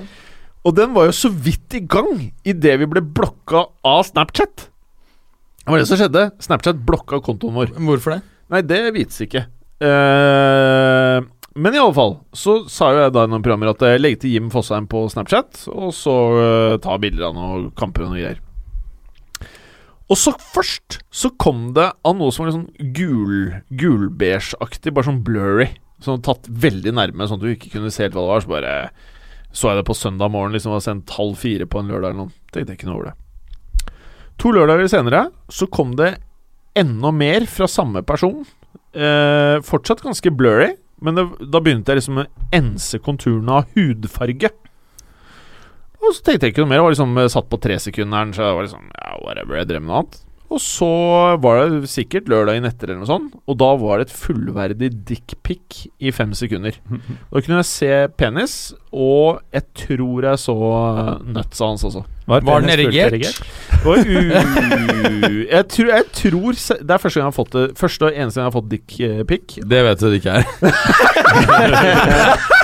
Og i hvert fall en person jeg ikke kjenner eller vet hvem er. Så jeg var vel mest sånn hva faen? Og så eh, fikk jeg litt lættis, og så fortalte jeg til eh, alle jeg kjente. Og så i neste fotballuke så hadde vi litt lættis med det, så vidt jeg husker. Så du med dickpicen, ikke vis dick. Eller du kan, Jo, jo, kan gjør vise det. dick. Kjør det igjen, liksom. Vis Da Capo, for faen. Ja, vis dick. Ja. Men uansett um... Nevne at Barca spilte en kamp til, eller? Ja, skulle eller? moste Eibar eh, 6-1 eh, tirsdag denne uken her. Uh, Syns du faktisk altså Bortsett fra Messi, så mener jeg at Valverde altså, er store stjerna der. Altså Vi snakket om det før sesongen i previewen, at det kunne være den beste signeringen Barca faktisk gjorde, var å få på plass Valverde. Og du var tidlig ute med det, Preben. Jeg visste ikke at det kunne gi eh, utslag som jeg føler at det faktisk har gjort. Nå føler jeg egentlig at savnet etter Neymar egentlig er blitt litt sånn uh, litt, litt glemt, da. Det er så mange har vært innom, og som jeg tror Jeg husker ikke helt vi, om vi kom inn på det, men det at Neymar tok jo opp hele plassen til Jordi Alba ut på vingen der, så han ble jo, hva skal jeg si, limitert da, til å holde på, på som en venstre bekk, og ikke den wingbacken. Nå har han en sånn korridor å løpe i nede på siden der. Så for Alba så har jo dette vært en uh, fantastisk greie at den Kan, har forsvunnet. kan vi ende opp med å se at uh? Neymar En- har Blessing in disguise. Blessing- ja, det men det er akkurat det jeg mener. For at, kan vi ende opp med her å konkludere om en åtte-ni måneder at Neymar har holdt Messi tilbake? Ja, fordi At Messi det er ikke noe tvi altså Messi er mye mer sentral nå. Han, Ja. er, han vet selv at han må gjøre det aller meste. Alle ser til Messi hele tiden. Han har hatt en sinnssyk sesonginnledning nå. Det er jo ni ligamål på, på fem matcher. Skårer fire her mot Eibar og er eh, Han er den Messien vi har eh, Ok, så de gikk egentlig på en uh, Miami Heat-smell? Det ble for mye stjerner på toppen? Det kan fort bli det, da. Det er Den- mange som har plass. Og vi hva er det skal jo Hva er det for noe? Miami Heat? Er det altså, baseball eller noe sånt? LeBron James Nå er vi på LeBron Basketball, ja! NBA. Ja. De signa jo Dwayne eh, Wade, eh, LeBron James og han der jeg ikke husker han tynne, høye duden. Tim Duncan? Eh, Nei, Gallosen. Eh, Gallosen. Eh, og så vant de vel noe, men de vant ikke så mye som man skulle anta. Mens f.eks. når du hadde Michael Jordan og Scotty Pippen, når de to liksom herja, men Jordan var the main man, Mm. sånn som det er med Messi Suárez, kanskje det er formelen? Det handler om en balanse da i, i stallen. Alt må sitte sammen, og det Barca-laget som kommer på banen, er jo ikke det beste eh, på papiret vi har sett noen gang. Her sparer de jo Umtiti spiller ikke, Suárez spiller ikke, eh, Alba spiller ikke, Rakitic eh, er på benken og kommer innpå for Busquets. Så de får plukket av en del spillere underveis her og spart litt spillere. og Igjen så scorer Paulinho. Eh, igjen så scorer Dennis Suárez. Gjør gode kamper. Så jeg mener at Igjen så snakker vi ofte om har du et godt system så kan du, som fungerer, så kan du bytte ut én og to uten at det egentlig spiller så stor rolle. Mm. Eh, de siste årene så har Barca vært mye mer avhengig av at MSN skal levere. Nå, nå har de altså avstand mellom lagdelene, avstand mellom, mellom spillerne i leddene. Nå ser jo Busquets ut som den spilleren han var for tre-fire år siden. Yes. Nettopp fordi når Busquets får ballen nå, så har han tre-fire pasningsalternativer innenfor 15 meter. Som de hadde i glansdagene. Så Valverde har gjort ekstremt mye riktig med det laget her og fortjener eh, all kred. Og nettopp det å få Busquets tilbake der hvor han uh, var for noen år siden, det tror jeg vil være helt sentralt for å gå hele veien for Barcelona i de forskjellige turneringene. Ja, Så skal det sies at Barca har hatt et veldig enkelt eh, kampprogram foreløpig. Uh, og nå har jeg et par enkle til. Jeg tror jeg Girona borte. Det er riktignok et lokalderby som kan bli litt uh, hett for dem. Men jeg tror de tar den også, så tror jeg de er Las Palmas etter det. Så de, de står jo fort med syv strake før de begynner å bli litt testet etter hvert her. Men eh, de ser bra ut. Uh, og så er det jo Atletico Madrid-Malaga. Malaga. Klassisk Atletico Madrid 1-0, eller? Ja, faktisk. De har, eh, var første kampen i nye storstua på El Metropolitano. Eh, så ut som eh, Atletico Madrid fra Vicente Galderon bare hadde flytta på en ny gressmatte, gjorde akkurat det samme. Malaga er et svakt lag. 1-0 hjemme mot de uten å skape fryktelig mye er eh, er ikke kjempeimponerende, men det er selvfølgelig Grismann som blir tidenes første målskårer på, på, på, på stadion. Så og, ja, Wanda Metropolitano, som det heter, er jo nå valgt ut som Champions League-finalearena i 2018-2019. Ja. Mm. Mm. Petter Wæland var vilt imponert. Ja, det er jo Over stadion. Mm. Mm. splitter ny, vet du, så det er jo fantastisk. Men Atletico går inn i en periode nå, Hvor da. mange tar den egentlig? Noen og 60. tror jeg noen og 60, det er riktig det. Mm. Så, Par og 60. men eh, Atletico går inn i et litt sånn avgjørende eh, kampprogram nå, for de møter Atletic Bilbao nå i kveld mens vi sitter her. Så har de Sevilla. Uh, så er det et godt organisert Leganes som ikke er Walkner Park, og så har det Barcelona. Og most inni der så har de en Champions League-kamp mot Chelsea også. Så de kan fort være allerede litt for mange poeng bak, da. Det er topplagene. Oh, Så det er en litt avgjørende periode for Atletico akkurat nå. Eh, Mats Berger, Serie A. Uh, vi har jo prata om høye tall ved siden av et nulltall. Her ser jeg Napoli Benevento 6-0. 6-0, klassiske tennissifre. Litt sånn Roger Federer-stil er uh, back in the heydays. Leie dager for Benevento. Ja, Gikk de på et nytt tennissiffer nå mens vi sitter her og prater, eller? Har du, de lå under 4-0 sist jeg så Mm. Det var re relativt seint. Jeg tror det ble, tror det ble Ble 4-0, 4-0 ja. jeg, mot, eh, mot Roma. 10-0 på Eh, de to siste. Det blir en ja. tung sesong. En jævlig tung sesong, og, og det er klart at uh, Jeg tror vi må Vi var jo litt skuffet over Napolis eh, tap mot uh, Shakhtar i, i eh, Champions League. De har jo vært red hot i ligaen. Jeg tror ikke man skal legge for mye vekt på, på den Shakhtar-kampen. Eh, interessant her er jo at eh, Beneventos trener Marco Baroni Han har jo en veldig høy stjerne i, eh, i Napoli. Han var nemlig dem som, den som skåret det avgjørende målet mot Lazio tilbake i våren 1990, da de vant sin andre og hittil siste Scudetto. Legende. Ja, han er en legende, så, um, så han fikk jo eh, klapp og, og, og det som var. Um, men klart at her er jo Napoli eh, totalt suverene. De åpner jo ballet ved Allan etter eh, den brasilianske midtbanespilleren etter, eh, etter tre minutter. Lorenzo Insigne følger opp etter et kvarter. Dris Mertens eh, ender opp med et hat trick. Innimellom der så skårer uh, Kayo Hon, som er fantastisk spiller i Napoli. Det var det godt kjøp, det. eh, Det er et jævlig godt kjøp. Ja, øh, Han linkes jo heller ikke noe sted. Det virker som han er veldig liksom satt der, både hos fans og, Det virker som alle i. Napoli er veldig satt i klubben. De trives godt, virker som. Selv om de har en litt sånn halvgal eh, fyr på toppen der. Eh, Ja, han er jo klingal. og- ja, hva heter han igjen? Kanskje det er derfor de liker Ja. seg så godt? At det er spennende? Det kan være, men eh, det er en veldig samspilt gruppe. da I hvert fall den startelveren. Så kan du bytte inn én og to mann. De har kanskje ikke så fryktelig bredde i dette her, men, Nei, men det, det bygde opp litt mer bredde nå i år. De mistet ingen i år, og de, de har, nå, eh, har nå klart mer bredde enn tidligere. Så jeg tror på en måte at du kan se at dette er den sesongen hvor endelig den sakte oppbyggingen over tid i Napoli vil resultere i et eller annet. Altså Enten at de går dypt inn i Champions League, eh, eller at de faktisk greier å ta skudettoen. de bør kunne klare å pushe Juventus godt inn i april, i hvert fall. Ja, jeg tror det. Absolutt. Så, um, så all ære til, eh, til Napoli. Interessant også er at de eh, her nå tar sin niende seier på rad i Serie A. Det er ny klubbrekord. Og de spiller jo glitrende fotball, og, og slipper jo heller ikke inn mye mål, så um, veldig imponerende. Ja. Juve, Juve har også spilt. Juve har spilt, det nevnte vi litt. Uh, Juve var jo da i, uh, i å møtte Sassuolo borte. Uh, Dybala skåret jo hat trick, og, eh, og eh, hans andre hat trick for sesongen. Uh, Higuain har jo fått kritikk for å hittil ikke vært uh, spesielt målfarlig, men uh, det er kun pressen som kritiserer. Allegri har jo derimot sagt at uh, han har vært fantastisk, det er jeg helt enig i. Han opererer egentlig mer nå som Ja eh, som Hva skjedde, Gallosen? Nå scora Sarpsborg mot Vålerenga i semifinalen. Ja. Er det bra? Det er veldig bra. Spennende. For Eh, han har operert mye mer som Benzema og skapt rom for Dybala. Eh, Altså, Dybala hadde ikke fått de rommene og de mulighetene hvis ikke Higuain hadde vært så oppofrende. Så vi ser konturene på mange måter her av en, eh, av en langt mer oppofrende spiller som ikke lenger er spydspissen, eh, slik det var i fjor. Eh, samtidig så er det klart at uh, ingen tvil om at foreløpig har Juventus vært uh, klart svakere bakover. Om det er uh, fordi man har hatt skader på uh, Kilini, Barzali er litt over, eller om det er fordi at Bonucci er borte. Det gjenstår å se. Benedikt Hovedes, som kom fra Schalke 04, har foreløpig ikke etablert seg. Han er nærmer seg nå å være kampklar. Mer interessant er kanskje at Federico Bernadeschi klart knapt har spilt på tross av at han er kampknar. Han har fått kommet innpå tre-fire ganger og fått 20 minutter.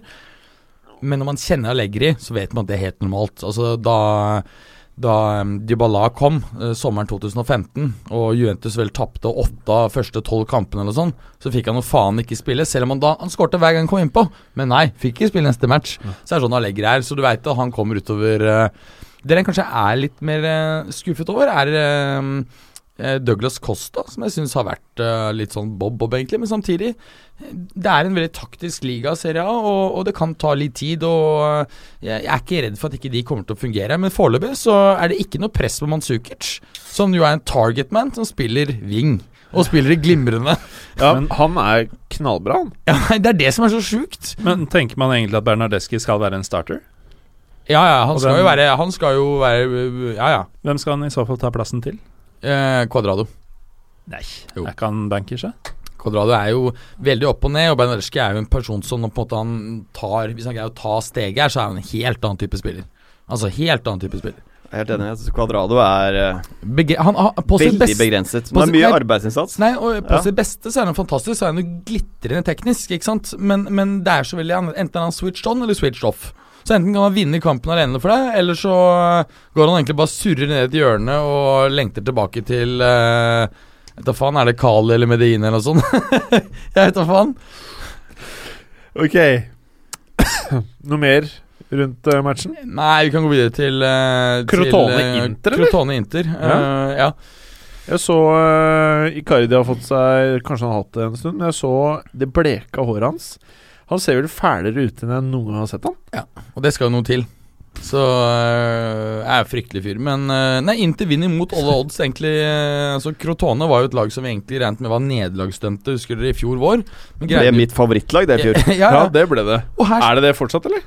Ja, men jeg har ikke fått sett en eneste kamp av Crotone i år. Det må jeg innrømme. Nei, men altså Her spiller de en fantastisk match. De er klart best gjennom matchen. Skaper mye mer enn Inter. Um, det er kun Samir Handanovic som, som holder uh, Inter inn i matchen med en rekke glitrende redninger. Um, interessant her var jo at uh, første mål som kommer, er da i 82. minutt, hvor uh, den nye signeringen uh, Milan Skriniar, stopperen som kom fra Sampdoria, veldig dyktig stopper, skårer, men eh, det kommer da en eh, Det er litt interessant situasjon, fordi du får en, eh, et frispark nesten ute fra cornerflagget. Bommer på første, får en retur, bommer igjen. Så får han tredje returen, og da setter han. Shit.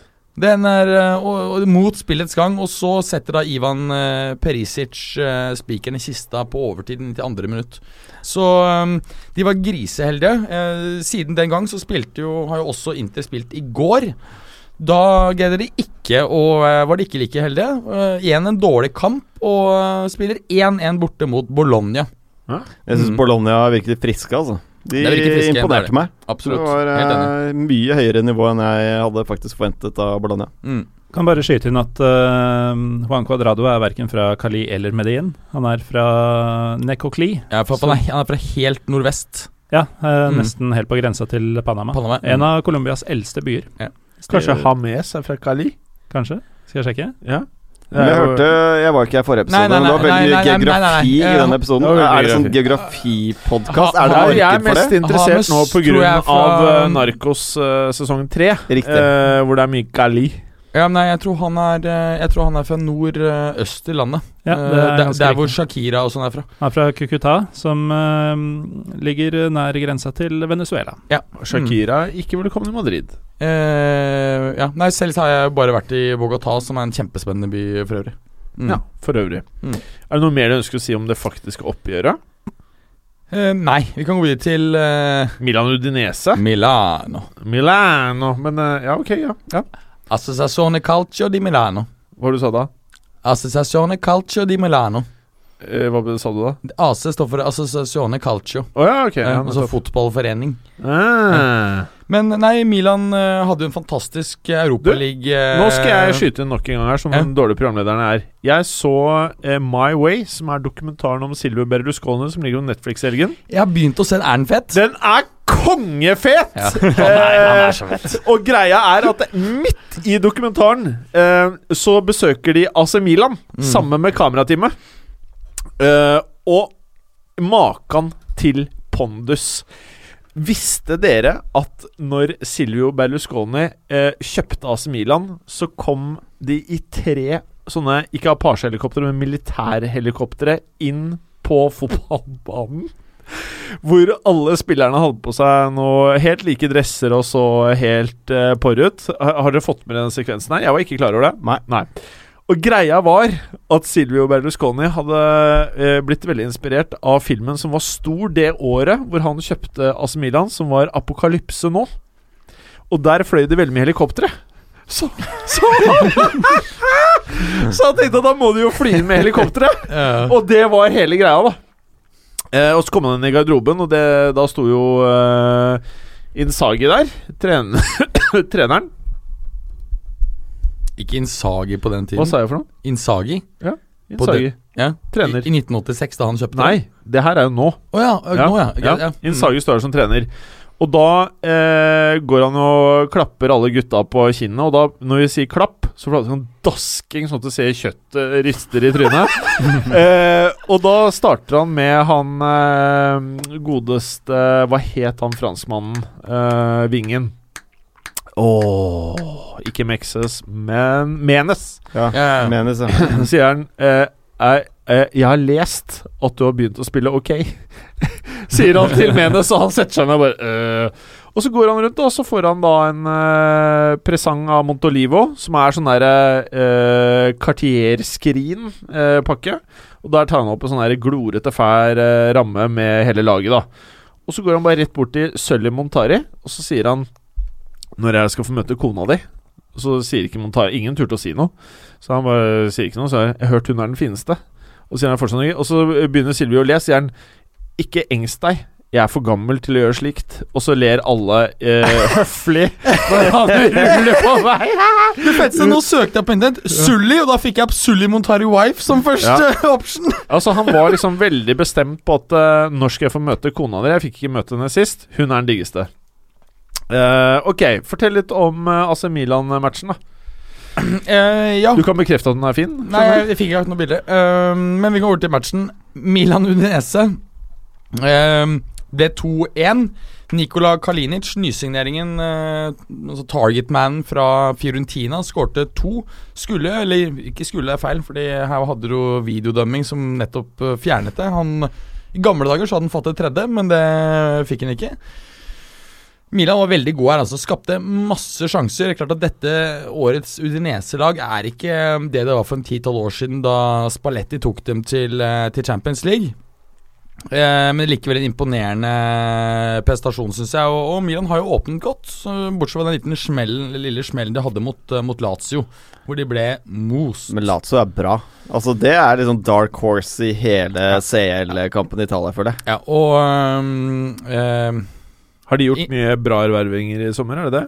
Nei, de har solgt øh, den En av mine favorittspillere. Balde? Balde. Ja, Keita Balde Diao. Men de har eh, Simone Inzaghi på benken. yes, Og, og det er dyktig fyr, altså. Åpenbart. Ja. Kanskje taktisk den øh, beste treneren øh, etter Spalletti og, øh, og Allegri i Serrano. Ja, han kan fort bli Eh, flyttet videre på til er, sommeren. ja, det er han som Juventus satser på å, å hente hvis Allegri Og alle regner egentlig med at Allegri går til sommeren. Og da er det han Simone Insagi som er Ja, det er han de Hvor tror du. Allegri stikker hvis han stikker av? England. Ok. Han har allerede jobbet lenge med å lære seg engelsk. Han kunne jo ikke et ord engelsk for bare få år siden. Og nå Han kan nok ikke veldig godt engelsk. Nei, eller? men du har jo hørt han i intervjuer, så sva eh, faktisk så stiller han jo opp og svarer på engelsk. Og det er jo på en måte et sånt steg, tross alt, for en eh, for en eh, trener. Men hvis du, du skulle Hadde du vært veldig komfortabel med å uttale deg til hele verden på italiensk når du har hatt kurs i tre måneder? Jeg, Ja. personlig Mm. Det blir jo ikke helt det samme, da. Engelsk er jo det internasjonale språket. Du, I, ikke Italia. du må jo liksom ha sett en eller annen engelsk film, vel? Ja men, en, ja, men du har jo sett en, en italiensk film, du òg? Har jo sett Ja, noen er. Fellini-filmer og sånne ting. Fiolinfilmer! Nei, Fellini, for faen. Men engelske filmer i Italia er jo gjerne på italiensk uansett. Jeg syns det er interessant med Simone Inzaghi, da. Fordi du ser jo ofte det er jo Han var jo veldig For de som er Det er kanskje ikke altfor mange av våre lyttere som husker Simone Inzaghi spille fotball. Eh, jeg gjør det, men en veldig fotballklok I en spiller. eh, Han var- recap, hvor var det han var? Lazio var jo der han var uh, Ja, kjent. var. Blant annet så er han jo fortsatt en av veldig få spillere som har skåret fire mål i en og samme Champions League-kamp. Ja. Vi snakker Mm. ganske mange år tilbake i tid her, altså. Men han var jo ikke den mest begavede fotballspilleren, det jeg skulle frem til. Men uh, veldig klok, stiller seg på de riktige stedene. Du, du så at han på en måte skjønte fotball, da. Og det er jo å se det med de trenerne som har spillekarriere, de som kommer opp som gjør det bra, er jo ikke unaturlig, de fotballkloke. Kan kalle han på mange måter eh, Han var hardtarbeidende. På mange måter spissutgaven til Antonio Conte. Altså, han er mye smartere fotballmessig enn Filippo, da. Pippo. Syns du det? Ja. Altså, Pippo er altså, Altså Pippo, som, som spiller eller trener? Uh, som spiller, men, altså, men Pippo var jo selvfølgelig god til å dukke opp på de rette stedene. Og det er jo en gave i seg selv, å kunne lese de situasjonene. Ja, Hvor Så- stort sett det han kunne, egentlig. Kunne Ja. egentlig ingenting. Det er helt riktig. Det var ett touch, og han dukket opp Det Var som en Raoul, bare mindre komplett. Men fy faen. Pippo er en av mine favorittspisser gjennom tidene. Ja, ja. Han ble så glad, selv om han skåret 7-0-målet. Han Ja. løp jo banen rundt. Og bare, Og det kunne være, kunne være Nydelig mann, ja, det, altså. det kunne være liksom et er helt uvik, uviktig mål Ja, i en dårlig cupkamp. Altså, det kunne så ut som han uh, var, var avgjørende i VM-finalen. ja, ja. Det var, var helt Men det er over seg hver gang. fantastisk med sånne folk. De er jo helt borte i dag. Men det er noe med italienske spisser på AC Milan. Det er noe veldig flott over det.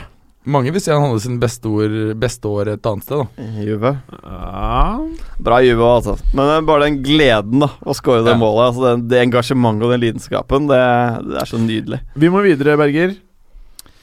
Ønsket du å si noe mer om dette Milan uh... Vi kan jo nevne Roma, som, eh, som eh, jeg tidligere har uttrykt at jeg er redd for at eh, kommer til å kjempe en knallhard kamp med Inter om fjerdeplassen i Serie A, og eh, kanskje tar den. De har eh, vunnet i kveld, og de vant også Vant også eh, for noen dager siden mot eh, Hellas Verona. 3-0 da, 4-0 i kveld. Så de er i, i fin shape, og eh, etter en litt sånn halvråtten start så ja, ellers så er vi egentlig ferdig med Serie A, altså. Da kan vi endelig gå over til det jeg på en eller annen bisarr måte har gledet meg mest til, og det er Gallosen sitt League Ø-sammendrag. PSG Lyon 2-0. Det er én ting jeg er spent på, i hvert fall. Ja, Jeg òg. Har ikke vært all verden å glede seg til, egentlig, for eh, Eller det vil si Matchen ble for så vidt kul. eh, jevnere enn man kanskje kunne frykte, og, og mm, bortsett fra at PSG stort sett hadde ballen hele matchen, så ligna det litt på PSG Lyon fra de årene hvor Lyon var å regne litt med, da, hvor de faktisk yppa seg lenge. og Det Og var et fantastisk lag. Mhm. Det var et av favorittlagene mine. Definitivt. I verden. Ja, ja. Mm -hmm. men det, var, det var litt sånn til en viss grad et gufs fra si en tre-fire år tilbake, da, da Lyon var ordentlig gode, og man trodde kanskje ikke så veldig, men i hvert fall håpa at de skulle gi kamp om gullet. Eh, de var ubeseira før de kom til eh, Paris eh, denne matchen. Et lag som jeg, jeg har jo spådd dem en vanskelig sesong, men de hadde gjort det bra så langt. Bruno Genesio veit hva han gjør. Um, og det var en slitsom match for PSG, hvor de, de man er spent på, da, som selvfølgelig er disse multimilliardkjøpene først og fremst, og, og de andre som allerede var der, de fikk til veldig mye mindre enn vi har vært vant til de siste ukene. Eh, og skal også sies at Lyon ble muligens snytt for eh, straffe i første omgang. Men så er det et kvarter igjen, og Lyons midtstopper Marcello skårer selvmål. 1-0 seint i kampen etter mye stanging og frustrasjon. Um, så blir det en straffe som um, Kavani bommer på. Ja. Han ehm, Ikke så overraskende, kanskje. det virker Nei, men skjedde som noe i den situasjonen der? Altså, det, det jeg tenker er jo på en måte Altså Neymar, Kavani-klinsjen, da. Mm. Få høre. Ja, Har du kan uh, ta det, Preben. Det, Nei, altså, det er jo Neymar vil jo åpenbart ta det straffesparket. Um, det vil også Kavani. Og det var en situasjon før det også hvor uh, det var en frisparksituasjon hvor begge de gutta ville skyte, og Daniel Wes kommer og gir ballen til Neymar. Så den der konflikten der, da. Hvordan skal de løse det utover året? Er det oppblåst i media? Hva er greia? og tenk at det har begynt allerede. Det er tidlig. Men det kan jo bli et reelt problem. Altså Mm. Neymar har kommet dit for å bli den store stjerna. Han skal være fusialt han, på PSG. Det tror jeg oppi hans hode. Mm. Så er han fusialt. Eh, Cavani ser nok på seg selv som en verdensstjerne. Det er ganske overbevist om at det egoet hans også Det er er, i, Han er jo det. Rimelig stort. Det kan fort uh, hende at eh, det ikke blir eh, så mye grønnere gress for Neymar i PSG enn uh, det var i Jeg kan nesten Barca. se for meg at uh, selv om det bare var 1-0 og kampen på ingen måte var avgjort, så ser jeg nesten for meg at da Cavani skøyt og Antony Lopez, fantastisk for øvrig, nådde ballen og fikk slått den i tverrliggeren og ut, at eh, Neymar nesten ble litt glad. Det tror jeg også. Ja, det tipper jeg også. Det men, jeg eh, Tror ikke han er en større mann enn som så. Nei da. Men, men, jeg syns det er veldig rart da, at ikke um, han har diskutert dette um, i forbindelse med overgangen. At uh, med mindre det er særskilte grunner til det, så skal jeg ta alt av frispark og, um, og straffer. At ikke avtalt for matchen. Ethvert fotballag må spille i fjerdedivisjon i Norge eller i Champions League, så må du ha én mann som du har snakket om før kampen. Du tar straffer. Med mindre, altså, det skal være noe sånn Hvis du blir felt, så tar uh, du straffen. Altså, du, De tingene må være avklart på forhånd. Altså, du slipper det der pisset da, som jeg syns det er å stå på banen der. Du ser ganske mange klubber når et lag får frispark, så står det sju mann rundt der og liksom skal ha en mening om uh, ting og tang. Du må bare avklare på forhånd. Mm. Og Men det, det er men- for så vidt greit på frispark at man vurderer eh, Ja, vinkler og sånn. Jeg ser den. Ja, og varianter. Mm. Men at uh, han som skal ta det, skal ta det til slutt, det, Ja. det må være greit. Ja, i hvert fall straffer, selvfølgelig. mm. Så det kan jo bli en lang sesong for Emery. Og så eh, vet ikke jeg hvor store baller Emery er, da, for han er jo ikke vant til å lede et lag, egentlig, med kjempestjerner. Eh, Med de egoene. Eh, Jeg tror du trenger Vi har snakket om balleknaing til Angelotti i Ja, altså- fire år nå, men, men, Men det er- det, er er en eller annen egenskap, altså. ja, men det er en eller annen Ja. egenskap du må ha, tror jeg, når du leder de superstjernene. da At du må gi klare retningslinjer på hva som, hva som skjer. Og dette er Altså- vel ankepunktet vi til en viss grad hadde mot Nagelsmann eventuelt i Bayern München. Riktig. Mm. Men jeg Hvis ikke spillerne på en måte setter eh, treneren på en måte noe over seg selv, så har du et jævla stort problem. Eh, en av de få gangene jeg har sett at det har fungert, det var eh, under VM 2006 med Frankrike, hvor uh, han uh, Nå husker jeg ikke navnet til, uh, til treneren. han som hele tiden uh, Domenech, eller? Dominic Aram Domenech. Eh, da sier jo en del journalister i ettertid at Turam og Zidane spesielt i realiteten la opp hele strategien, og han var bare en helt sånn perifer figur faktisk i hele, i hele prestasjonen. Friso Stojkov var visstnok landslagssjef da han var kaptein også på 90-tallet. Ja, ikke sant. Mm. 90, var det 94-VM, da, eller? Ja, spesielt 98 så hadde det visst tatt helt av. Ok, ja. Men spørsmålet om men- det kan bli på en måte akilleshælen til PSG i år, er faktisk Emery at han ikke klarer At han ikke er autoritær nok da Mm. til å ta, ta den gruppa. Men det som også det, eller det som slo meg da Når jeg så hvordan Daniel Wes oppførte seg, det er at uh, her har du et lag med uh, fire brasilianere spesielt, uh, som også kjenner hverandre fra landslaget. Hvem da? Neymar? Daniel, Alves, Neymar, Thiago, Thiago Silva, og Marquinhos. Ja. Sånn at eh, her har du fire Lucas Mora også? Ja, men Han er jo ikke så veldig viktig, da. Men uh, du har da liksom Du har fire brasilianere som kjenner hverandre i hvert fall utrolig godt. Enda flere også, hvis han blir. Uh, jeg bare Det første som slo meg, måten Daniel Alves gjorde dette på Han nektet å gi ballen til Kavani. Han gjemte ballen og, og dyttet vekk Kavani. Det er sånn du ser 14-åringer gjøre på et treningsfelt. Fordi du er bestevennen min, så får du ballen. Mm. Det her er liksom på øverste plan Mm. til en spiller Altså, de to spillerne som prater om, som kosta fire milliarder til sammen. Dette her er ganske ekstreme ting. Mm. Og eh, jeg tror også på sikt at dette kan skape to leire i eh, dette laget. Og eh, det Mer enn noe annet så tror jeg dette her er det skumleste ved det vi har sett. Og dette er jo sånn som du egentlig ikke heller, men til en viss grad kan skjønne hvis det hadde stått 5-0 og de møtte Angers. At uh, nå vil Neymar ha hat tricket sitt, f.eks. Eller eventuelt at nå vil Kavani ha den ene skåringa si, uh, siden alle andre har fått lov. At eh, man ser den litt da. Men her har du da Det står bare 1-0. Det er den tøffeste kampen du har hatt hele sesongen eh, så langt. Ehm, hvem som tar dette, at vedkommende faktisk har roa til å ta det på en skikkelig måte, eh, kan være matchavgjørende. Og så har du den derre drittunge-mentaliteten eh, der. Mm. Jeg er helt enig. Og så er det et annet element her også som, eh, som nevnes, iallfall i spansk presse, og da snakker jeg ikke om Barcelona-pressen. Nei. det er at uh, Cavani har en ekstrabonus på en million euro hvis han blir toppskårer. Ja. Uh, slik at du har en del faktorer som virker mot hverandre her, ikke sant, som uh, er verdt å, å ta med. Men jeg, men jeg er helt enig. altså Se på Real Madrid, som hadde en stall som rett og slett var for stor og god. Hva gjorde de? Så var de villige faktisk til å ta en del risiko ved å slippe Hames. PP mener jeg fortsatt de burde ha beholdt. Ja, jeg er helt enig, men Ja. de ville jo beholde han. Men han nektet Ja, å være der ha, ja, for han ville ha maks spilletid Han ville ha toårskontrakt òg, Han han fikk jo bare ett. Ja. Ja, men Det aller viktigste så vidt jeg har skjønt var at han ville ha Han fikk beskjed av uh, politiske landslagstreneren at du må spille, vi skal vinne VM. Er liksom det de Og det det tror gutta på nå, og du må bare spille hver eneste kamp. Det kan Men- godt være, men, men- men- eh, ja. Det var, han er poenget- veldig dumt av Ja, og Morata, selvfølgelig. De allerede har hatt en, en, en par matcher hvor Morata hadde gjort seg godt. Men poenget er at stemningen er dritgod. Ja. Dette, men eh, altså, Når du begynner å komme utover, og det blir røffere ja, Enormt å si. Mm. Så så- jeg, jeg så- tror ikke PSG dere- kommer til å vinne, P, eh, vinne Champions League. Så dere ansiktsuttrykket til Kavani når eh, Daniel Alves gjemte ballen? Det var typ en voksen mann som ser ned på et barn og bare Hva er det du driver med? Er du helt tjukk i huet?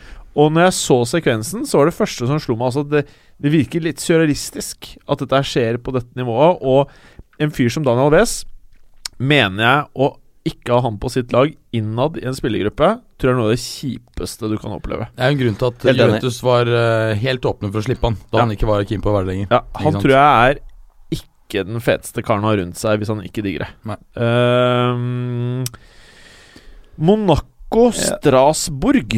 Bare tilbake til forrige matchen. Ja, kan vi ikke ta litt selv, selv, selv om det var eh, vanskelig. Det er for øvrig 2-0-målet kommer også på et selvmål. Så det var jo eh, virkelig en sånn typisk match hvor du bare grinder det ut uten å engang få til noe sjøl. Uh, Jeremy Morell, venstreback, som for anledninga spilte midtstopper, som er uheldig fire minutter før slutt, og det blir 2-0. Tilsynelatende komfortabelt, men det er eh, veldig eh, Det er uten å overbevise, for å si det sånn. Lyon uheldige foran begge kasser, og hadde også et tverrleggerskudd på 1-0. Mm. Uh, men det er seks av seks for PSG, da, uansett hvordan du vrir og vender på det. Men uh, nå som vi først er tilbake, da, programleder to Er det slik å forstå nå at det du har sett av Kylian Mbappe Mbappé. Mbappe er eh, eh, Er han eh, the real deal? Han er jo det. Ja. Mm. Det, er, Det var ganske fett, det målet som han ikke skårte nå sist. Hvor han, eh, hva er det han, eh, ki- han skyter, og så eh, er keeperen der. Så går han rett i forsvarsspilleren som følger Og i bak. seg selv, og så ja, i og mål? så i mål. Ja. Og så det, jeg, jeg satt og så, jeg, så trodde jeg først det var Ja, jeg også! Mbappe. Jeg tenkte faen Ja. Shit, jeg bare ble litt sånn Å, faen. Ja. Å, faen, hva er det jeg har signert her? Ja, ja. Ja, Å, faen, de har signert verdens beste spiller, de nå. ja, ja. Og så var det jo nettopp det som skjedde. Ja, ja. Jeg bare det skjedde så fort, med Ja. så høy eh, Altså så høy hurtighet, da, at det var eh, Men du vet- du veit jo, vet jo hvor Mbappe skal. Ja, Det er bare at det skal um, at Det er to på det laget der. Det er bare at Real Madrid eh, vet litt om risiko og økonomi, så de vet at når PSG er utsultet og må selge tvangsselge, da står de der og tar imot sånn Når rolig. Qatar-VM er ferdig. Ja, det er Når lenge han er ferdig produkt. Jeg, Og, jeg, jeg tror det vi snakker om to år, jeg. Men det har mye å si at han har fått den gode starten. Hadde han hatt et par litt uheldige opptredener i starten her, så kunne man sett en litt annen story på sikt. Nå får han jo bare byggeren og selvtillit, selvtillit, selvtillit hele veien. Altså hele bevegelsesmønsteret Altså, det, det vi, vi har sett han som spiss, men jeg ser ut som, for meg så ser det ut som han kan spille liksom rett bak spissen. Han kan være toppspiss, han kan ligge på sidene. Altså Det her er jo liksom sånn helt åpent hvor han er best. Åh, han virker som en juicy liten frukt. Ja. Si meg, eh, hvem av eh, Det er det Arncelotti ville kalt han. han ville prøvd å høste fruktene. Når de var sånn mo... Når de var røde og svulne og modne. Den bevegelsen Berger gjorde nå, er, er det sånn du kjenner om vannmelonen i butikken er moden? Ja, jeg har lært av Angelotti. Men si meg en ting eh, av Neymar og Mbapp. I løpet av eh, det neste året, hvilken av spillerne tror vi kommer til å vise seg som viktigste spilleren for eh, PSG? Hvilket for meg var en selvfølgelig vei Neymar når overgangen ble gjort. Men når jeg ser Mbapp, så mener jeg at det er en reell eh, diskusjon å ha rundt det. Jeg tenker i løpet av ett år så, så vil det være Neymar. Ja. Men et lengre, si et treårsperspektiv, da har han jo både kosta mer og tilsyn Jeg tror ikke Mbappé kommer til å lage like mye furore i garderoben som det Neymar gjør. Nei. Så over en lengre tid hvor den slitasjen kanskje vil være større, og Mbappé virkelig slår ut i full blomst, for dette er jo en spiller som fortsatt, hvis han følger noenlunde normal utvikling, vil bli enda mye bedre enn det vi ser nå.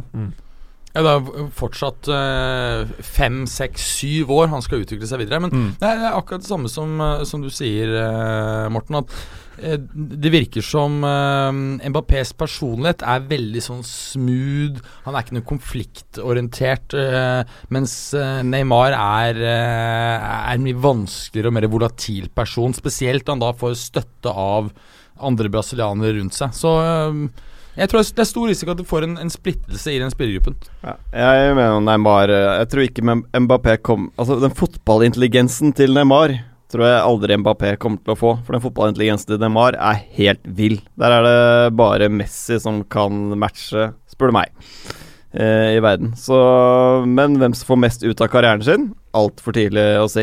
Men Men- begge to er jo Ballon d'Or-kandidater noen år frem i tid. Men når du sier det, da, da tenker du at Savi og Pirlo har lagt opp, selv om fordi de ikke er Ja, ja, For de er jeg de to andre nåværende- Ja, jeg er helt enig. De har også en ekstrem fotballintelligens. Eh, Det er jo Iniesta også, for så vidt.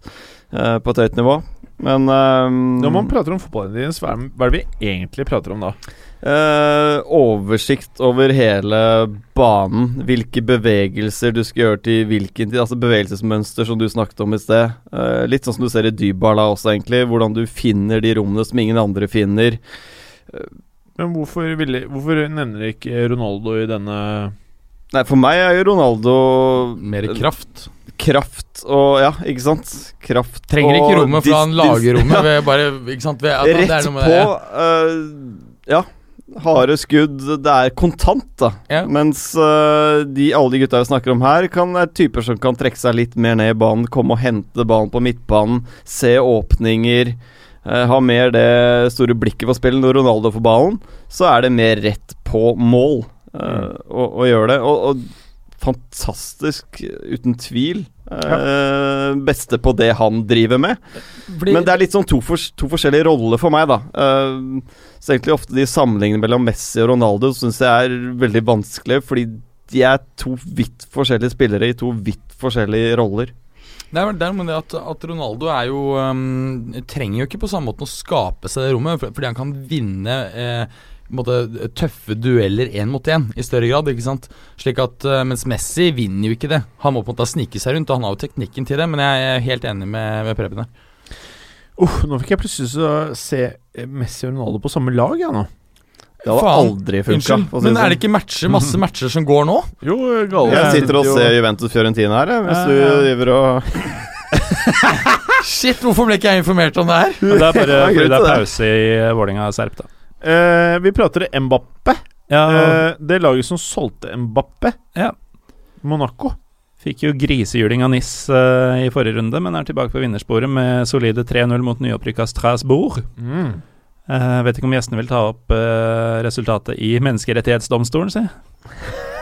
Men um, Ja, den var fin. Ja, den var, den var god. Ender 3-0. Det er en eh, match hvor vi ser flere skåringer enn redninger, så det var eh, relativt lite som skjedde foran måla mm, utenom selve skåringene. Det er um, 4-1 i skudd på mål og 3-0 i skåringer. Det er Ronny Lopez, eh, Bernardo Silva-erstatteren, som har tilhørt eh, Monaco i et par sesonger nå, men vært på utlån, eh, senest i Lille, som får det forløsende 1-0-målet rett før pause, og det gir Monaco en ro ut i andre omgang, og bare maler dem i stykker. Og det er to Falcao-skåringer eh, relativt tidlig, begge to i andre omgang, som, eh, som fastsetter resultatet.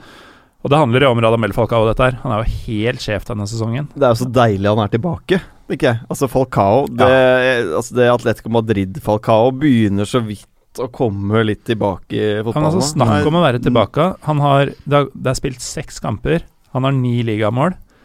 Han har én scoring per 54. minutt. Mm. Fantastisk. Ja, det, er, Det eh, er tilbake som eh, Ja, det der hvor han var i Atletico Madrid. Hvem Jeg mener han var den beste altså spissen. Da altså, var han det. For ja. da var jo, hvis du tar bort Messi og Ronaldo, ja. så, verdens beste spiss. Han var helt Absolutt. sjuk. Mm. Fantastisk. Så ja. Ja. Men det er ikke så veldig mye mer å si om det. Veldig viktig selvfølgelig for Monaco å være tilbake på vinnersporet etter det forsmedelige nederlaget på Rivieraen eh, sist. Som vi nevnte i forrige episode, var det vel, eller sist vi gikk gjennom eh, europeisk ligafotball, så tapte jo Monaco 4-0 i NIS også forrige sesong, i september. Så sånn sett er de jo i rute. Ja, nå har vi spilt inn en podkast på snart halvannen time. Og, Begynner på siste delen snart, da, eller? og er litt over halvveis. Eh, så vi kan kanskje speede opp eh, denne delen litt, da. For dette er en eh, Premier League preview. Eh, Berger. Ja. Berger. Arsenal West Bromwich. Yes, de, Blir dette noe å følge med på? ja, de skal møtes. Uh, Arsenal kommer jo inn her med en litt sånn mixed shape. Altså Vant jo første, så har det vært to tap, én seier og en uavgjort. Jeg syns uavgjortkampen som vi snakket om si, sist, eller snakket vi om den? Nei, den var i helgen. Nei, vi har ikke snakket om den. Nei, men de, de har jo kvittet seg med Oxlade Champlain, og det har gjort underverker. Ja. Og vært et helvete for Liverpool. Ja. Så det er kanskje det som er eh, det som Altså- vipper deg over, da. Men, men det jeg er ganske sikker på, det er at han hadde blitt en suksess i Chelsea. Fordi at hos Klopp så skal, får han ganske avanserte oppgaver, og karen er jo ganske enkel. Slik at Jo, jo, men slik at altså det her- Det her er ikke karen du vil gi noen sånn Zidane-oppgaver, for sånn, men sånn enkle Han blir neppe manager. Nei, ikke sant? Altså Enkle Klopp-oppgaver. Løp dit, stå der, vent til han kommer, og så skyter du. Det greier han. Og kan løpe med ball i bena fort. Men det er liksom der han kan eh, Altså der han er. Så jeg tipper Jeg er litt usikker på hva det blir av han til slutt. Altså, for helt jeg- ærlig, Vi snakket om det for litt siden, at vi, det er ingen, ingen som egentlig skjønner hva han egentlig er noe Nei, god på. Eh, ender han opp Han i var jo rugbyspiller til han var 20 år. Kanskje det er det han burde gå tilbake til? Jeg vet ikke. Altså, Da slipper du å tenke altfor mye, antar jeg. Det jeg har lest, er at at han, han, gikk, han gikk på en ve- veldig sånn high end sånn snobbeskole. um, altså privatskole. Og, og der hadde de ikke fotball. De hadde bare rugby. Så det er det han drev med frem til han var ganske, ganske gammel. Og du ser det på fysikken og alt. Han er jo faen ikke noen fotballspiller, han. Det er litt som da Carlos Tevez uh, foreslo at uh, Fernando Llorente egentlig burde drive med basketball da de spilte sammen i UV. Det er sannsynligvis riktig. Ja. Nei, Llorente er jo fett, da. Men det er ikke Ox. Men hva var greia? At han var pen, men ikke pen blant gays? Eh, med mm, Ja, han han nei, ja. pen, men ikke attraktiv, eller noe Nei, sånt? nei, Det er bare nei, nei, heterofile gutter ja, som syns han ja. er pen. For alle, jeg spurte jo er kona mi, hun mente at nei, det er ikke noe det er det spesielt. ja, Ja, det er, det, er, det er bare alle- vi som liker ja, ja. han. Altså, Bare heterofile gutter. altså I den fotballpodkasten andre, den eh, som er engelskspråklig, så, så Hvilken er det? eh, Det er en uh, Garden Football Weekly. Ah, den, ja. Ja, Der hyller de utsettet hans uh, enda oftere enn oss. og, Ja, gjør og det. ja, ja, han, altså, han ser jo helt fantastisk ut. Er jeg, jeg tenkte at han gjorde det, da. ja, ja, ja, ja, Men det, det bekrefter bare ja. Apropos ting som ser fantastisk ut, så skåra Atletico Madrid akkurat et nydelig mål bort mot uh, Atletic. Oi, hvem da skårte? Det er faen. Med et fantastisk gjennomspill til uh, Koke, som uh, når ballen rett før keeper og spiller inn uh, så Korea får blank kasse. Mm. Det så ut som keeperen til Atletic uh, shotta en flaske rusbrus uh, i kjølvannet av uh, skåringa, men det kan hende at det var en sportsdrikk eller noe Det føles litt sent å se på skjermen nå for å få med seg skåringen. Det er sikkert Ja, nei, ikke det- så interessant for våre lyttere er som sitter og Nei, vi har fått kritikk før for å drive og prate om kamper, livekamper i podkasten. Men uh, fortsette med, med Arsenal eh, West Brom her. Altså Det har vi snakket om tidligere. Når Arsenal ser som verst ut, så greier de å hente seg uh, opp. De, de var ganske solide defensivt uh, i kampen mot Chelsea. De hadde også et mål annullert. Uh, de har selvfølgelig Welbeck nå. Var jo ganske god, syns jeg, i, i kampen mot, eh, mot Chelsea. Skadet. Coquelin er ute. vi prater om Oxlade Chamberlain. Ja. Welbeck. Han er det samme for meg. Ja, Hva men- er Welbeck? ja, men, å, Jeg ja, syns han samme. er en kjempegod spiss, men det, det blir ikke noe av det. Han har utrolig mange kvaliteter, men Det blir ikke noe ut av det. Nei, altså det, det er de målene han eh, scorer, er jo ofte sånn han treffer den i låret, eller eh, nikker i bakhjulet på en annen fyr, eller et eller annet. Så Jeg jeg er ikke noe imponert på noen helst måte. Øzil er vel usikker, så vidt jeg har skjønt her, eh, om, han, om han spiller. Eh, ser du på West Brom, så er jo Nasser Shadley også usikker. Arsenal har vunnet siste seks hjemme mot West Bromwich. Bare sluppet inn ett mål. Skårer Lacassette i denne kampen, så blir han den første spilleren i Arsenals historie som skårer i sine første tre hjemmekamper på rad. Mm. En annen ting her vi kan nevne, det er jo at uh, West Bromwich de, de vant sin eh, hjemmekamp mot eh, Gunners i vår, og vinner de også denne. Da blir det første gang siden 1976 at de vinner to på rad i ligaen mot, uh, mot Gunners. Det føler jeg at de fort kan gjøre. Dette er Ja, altså- ordentlig vond match for Wenger å få nå. jeg. Jeg, er enig, men jeg, jeg tror at det, det, det er et tidspunkt her hvor du som tror at de faller ned igjen, men de greier nå å heve seg. Det er ikke noe dårlig mannskap der, og nå virker det som de har litt mer optimisme i laget. Interessant også, det er jo at uh, Gareth Barry uh, har jo står på da like mange kamper som, uh, som Ryan Giggs. og tar rekorden hvis han kommer på banen. Så det blir spennende. Jeg tror Arsenal vinner 3-1. Bra. Uh, Gal Aasen. Southampton, Manchester United. Er dette her eh, Blir det bare nok en eh, walkover for Manchester United, eller blir det faktisk eh, en aldri så liten match ut av det her? Det bør jo bli en aldri så liten match, men det er klart uh, det var deilig å få vekk den der summingen. Hva Ja, faen var Galesen som hadde på lyd på kampen altså. Å, fy faen, Galesen. Det er ikke pyro pivo, dette her. Trykker jeg på pluss-knappen din hvis dere ikke Ok. skjerper dere. Vi skal være snille. Uh, men eh, Southampton har jo fått et lite hjemmekompleks. De har ikke scora i åtte av de ti siste hjemmekampene i Premier League. Og um, det er et ganske dårlig tegn når José kommer på besøk, for han veit å mure igjen. Det er fortsatt noen fotballlyder. Ja. Er, er det deg? Det er meg. Men du skal ikke skru av, da? Nei. Nei vel. Ehm, Alle klager på dagens lyd sendes til eh, Morten Galesen på Twitter. gjør det. Macho-Morten. Ja. Alfakrøll Macho-Morten. Sleng med en follow i samme slengen. Å, fy faen, du er Eh, grusom, vet du. Du er som Icardi, du. Men de har, høye altså ikke, Icardi. de har altså ikke scora i åtte av de si, ti siste hjemmekampene. Mureren sjøl kommer på besøk med et eh, lag som også fungerer offensivt. Så det blir jo, det blir jo vanskelig for uh, Southampton. Faktisk så har Lukaku alene flere skåringer i ligaen denne sesongen enn Southampton, uh, henholdsvis fem og fire. Uh, I tillegg så har de siste seks oppgjørene på St. Mary's mellom disse endt med null Southampton-seire. Så alt tyder jo på at det blir en stri tørn for Southampton. Samtidig så er jo dette aldri et eh, enkelt sted å, å komme på besøk. Og det går jo an å si, eh, på sett og vis, at disse storseierne til United eh, har vært en slags løgn, i og med at det er jo stort sett sånn 1-0, kanskje 2-0-kamper til veldig seint, og så er det rent inn på slutten, Mm. som gjør at det ser veldig vakkert ut. Men sånn som mot Everton, så var det jo kamp til det var 82 minutter. Mm. Eh, ser ut som slakt, men eh, det var jo aldri noe kjøttkvern som ble bytta inn her. Nei.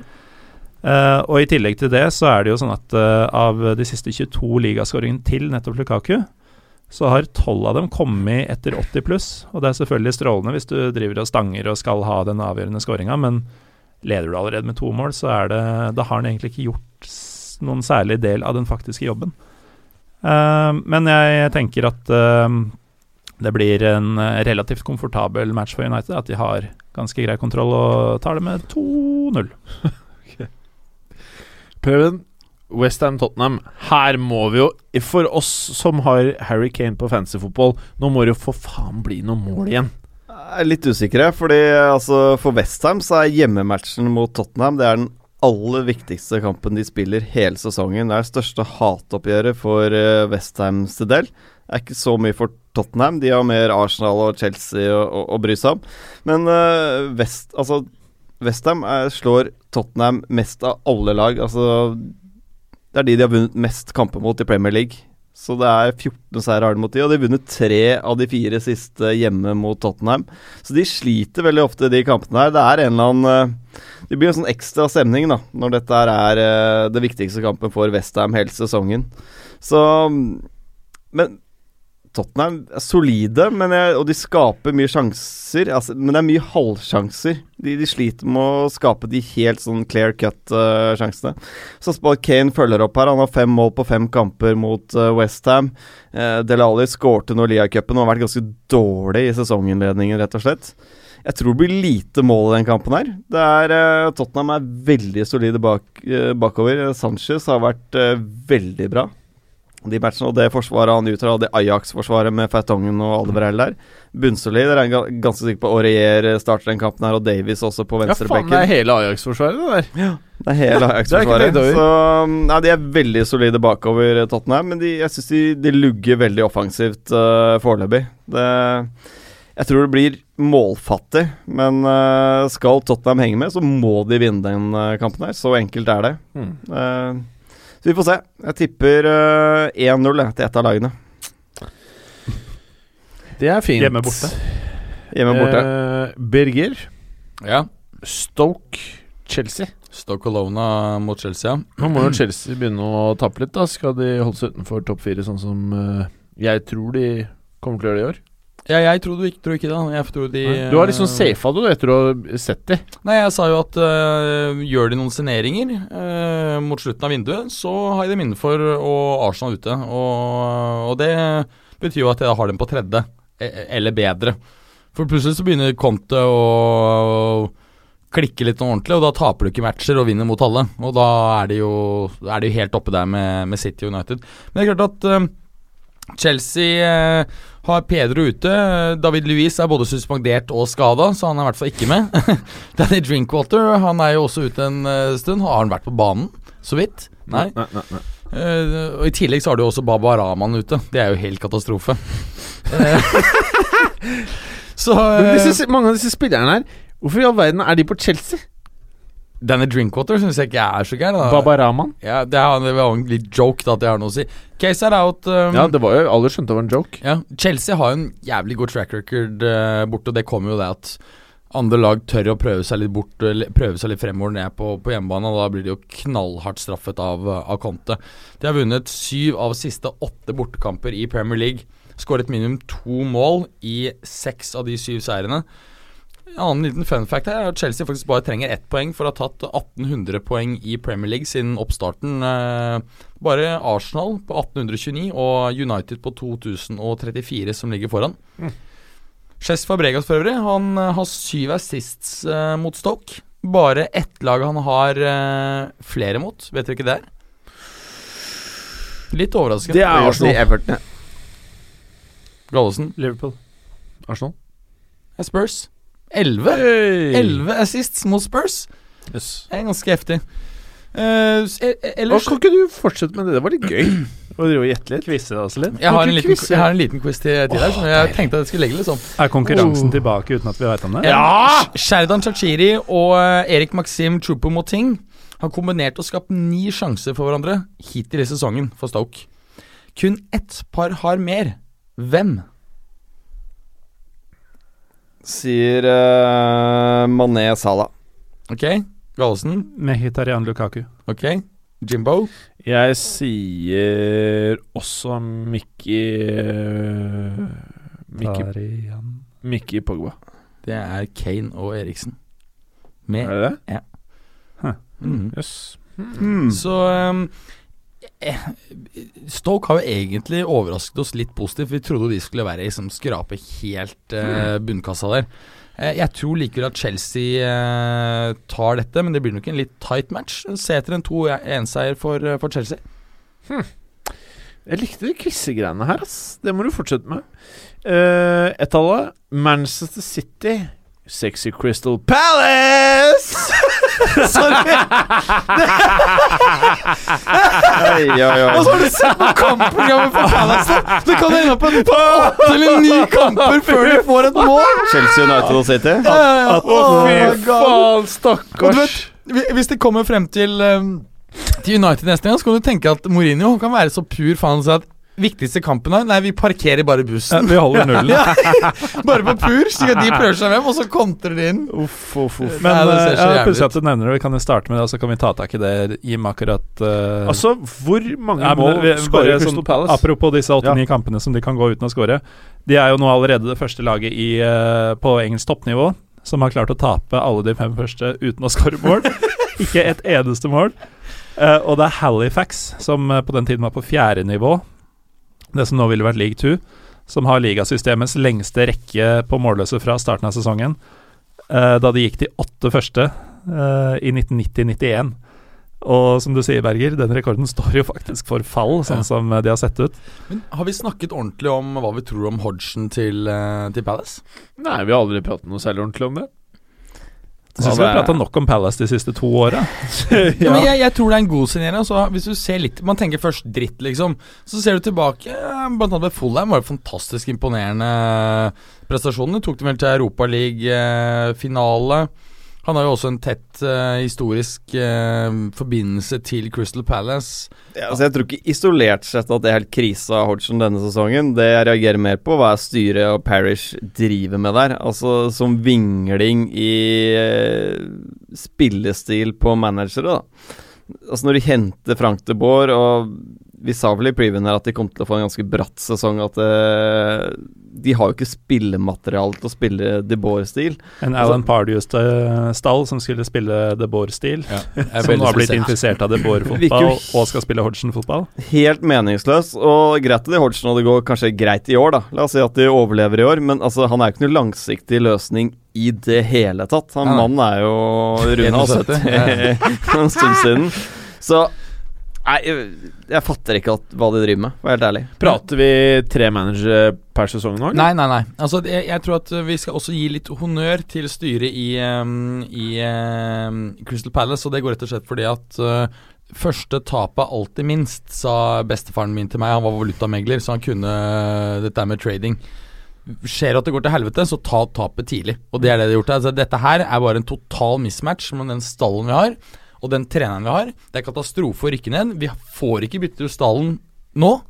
Ergo så må vi bare bytte ut treneren. Det er det de har Men hva i all verden tenkte de på i mai-juni når de gjorde, altså, gjorde den ansettelsen her? Det en Det fatter jeg ikke. En følelsesmessig greie, ikke sant. Akkurat som man kjøper en aksje som ender opp med å gå dritt. Men Man når tror at det skal gå bra, og så bare må man kutte her. når er sist Frank de Boer uh, satt som sjef i en klubb lenger enn til september? Ja, det var i Ajax. Altså, han stakkaren der må jo være Jo, han var- Han var litt inne i oktober i Inter, altså, tror jeg. Men, ja. Men det er, eh, det er en fem, seks, sju kamper, så er det ferdig. Ja. Så fort Ja. han prøver seg ut av det, Nederland. det som er litt ille, var at jeg, jeg trodde kanskje at det Bård kunne bli noe. Ja, han, Eh, han gå- kan jo gå- fortsatt bli det, selvfølgelig, men uh, Han går til en mye bedre ha, Altså, De bor når han skal gå til en klubb, så må han ha gjort en analyse av stallen. Altså, dette er folk jeg kan få til å spille min type fotball. Når det er sagt, så syns jeg at Crystal Palace i den siste kampen hans, hvor de hadde klart overtak når det gjaldt uh, målsjanse osv., så, videre, så syns jeg de, de viste klar utvikling. Så jeg syns det var et veldig veldig rart tidspunkt å trekke i uh, snora på. Å, så du gir egentlig ikke honnør? Jo, jeg gir generelt honnør uh, når det gjelder å innse at man har tatt feil tidlig, og ta tapet. Men uh, jeg syns det er veldig rart å gjøre det på et tidspunkt hvor eh, det ser ut som det er en klar spillemessig forbedring. Men eh, vi må tilbake, Jim, til at du introduserer eh, det City-laget som vi ser eh, i disse ukene. Eh, og så er det Crystal Palace som får sexy-logoen eh, klaska på seg. Ja. Nå begynner det å bli litt for hipster for det studiet her, syns jeg. Altså, er- her, her, her, her blir det kvern. her? Altså, det er ikke noe å lure på engang. Nå skal jeg fortelle deg bakgrunnen her, og det er som følger, da. Jeg sto hjemme eh, og så på laget til Crystal Palace. Feis du akkurat drithøyt i studio? Nei, det gjorde faen Nei, ikke kødd, da. Uh, jeg satt og så på spillemateriellet til Crystal Palace, og jeg er faktisk litt uenig. Jeg mener jo at uh, det er mye kule spillere der. Kabay dritfett, Ja. og Saha Det er lenge siden Kabay var en god fotballspiller, altså. Jo Nei, du må er langt tilbake. fett. Ja, fett, liksom. Ja, fett, altså. Og så punchen. Ja, punchen er fett. Jason Punchen er helt Ja, det er jeg helt enig helt Saha- enig han bare Saha han er en begrenset fotballspiller. Saha har kvaliteter. Han er, han er, det, han er det vi i Norge ville kalt um, spisskompetanse. Ja, men det er jo ikke Som betyr at han er helt ræva, men god på noen ting. Men han leverer ikke uke inn, uke ut, og det er veldig få på det laget som gjør det. Hvis du ser på det laget over ett, så er det average spillere over hele fjøla. Ja, ja. Altså, de gutta er jo ikke i nærheten av å spille et uh, Altså, Dette Saha er kunne mye kanskje bra dytta inn på topp seks-lag, men Altså, jeg- jeg- resten jeg- er Jeg, jeg, eh, sorry, altså jeg trodde riktig for de bor. Det er jo åpenbart å gå til Spania, hvor selv et middels lag har gode tekniske kvaliteter. Hvor han kan faktisk spille den type fotballen. Ta et lag som eh, Ja, det er klart det er jo Vi må ikke skli helt av, for- Middels lag, men ta et lag Vi- som uh, Real Sociedad, som, som ikke er et sånt eh, topplag i, eh, i europeisk sammenheng. Men som har 2-0 til Serb. meget sterke tekniske spillere. Altså Jeg har sett et par matcher med det siste. Det er jo, De spiller jo tidvis glitrende teknisk. De kunne f.eks. under han ha, ha fått til noe ordentlig. Eh, men jeg tror også han kunne gått lenger ned på tabellen eh, i Spania og kunne mye i større grad måte, utviklet den fotballen han ønsker å spille. enig i at han passer mye bedre i den type liga. Det jeg er litt sånn redd for med eh, den skolen til uh, Hva som van Gahl-skole, eller hva man vil kalle det, da, er jo at det går for tregt. I det er, ja, Mm. at de tar for lite risiko, rett og slett. At det blir dørgende kjedelig for uh, publikum hvis du ikke får resultater tidlig.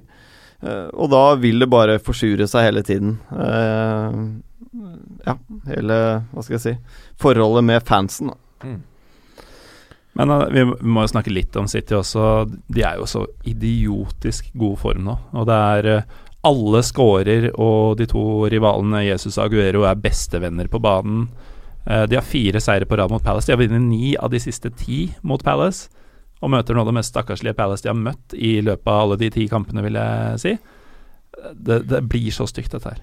Lukter selvmål av Stones, da, så den der brytes. Mener du å si At det blir 6-7-0, ja.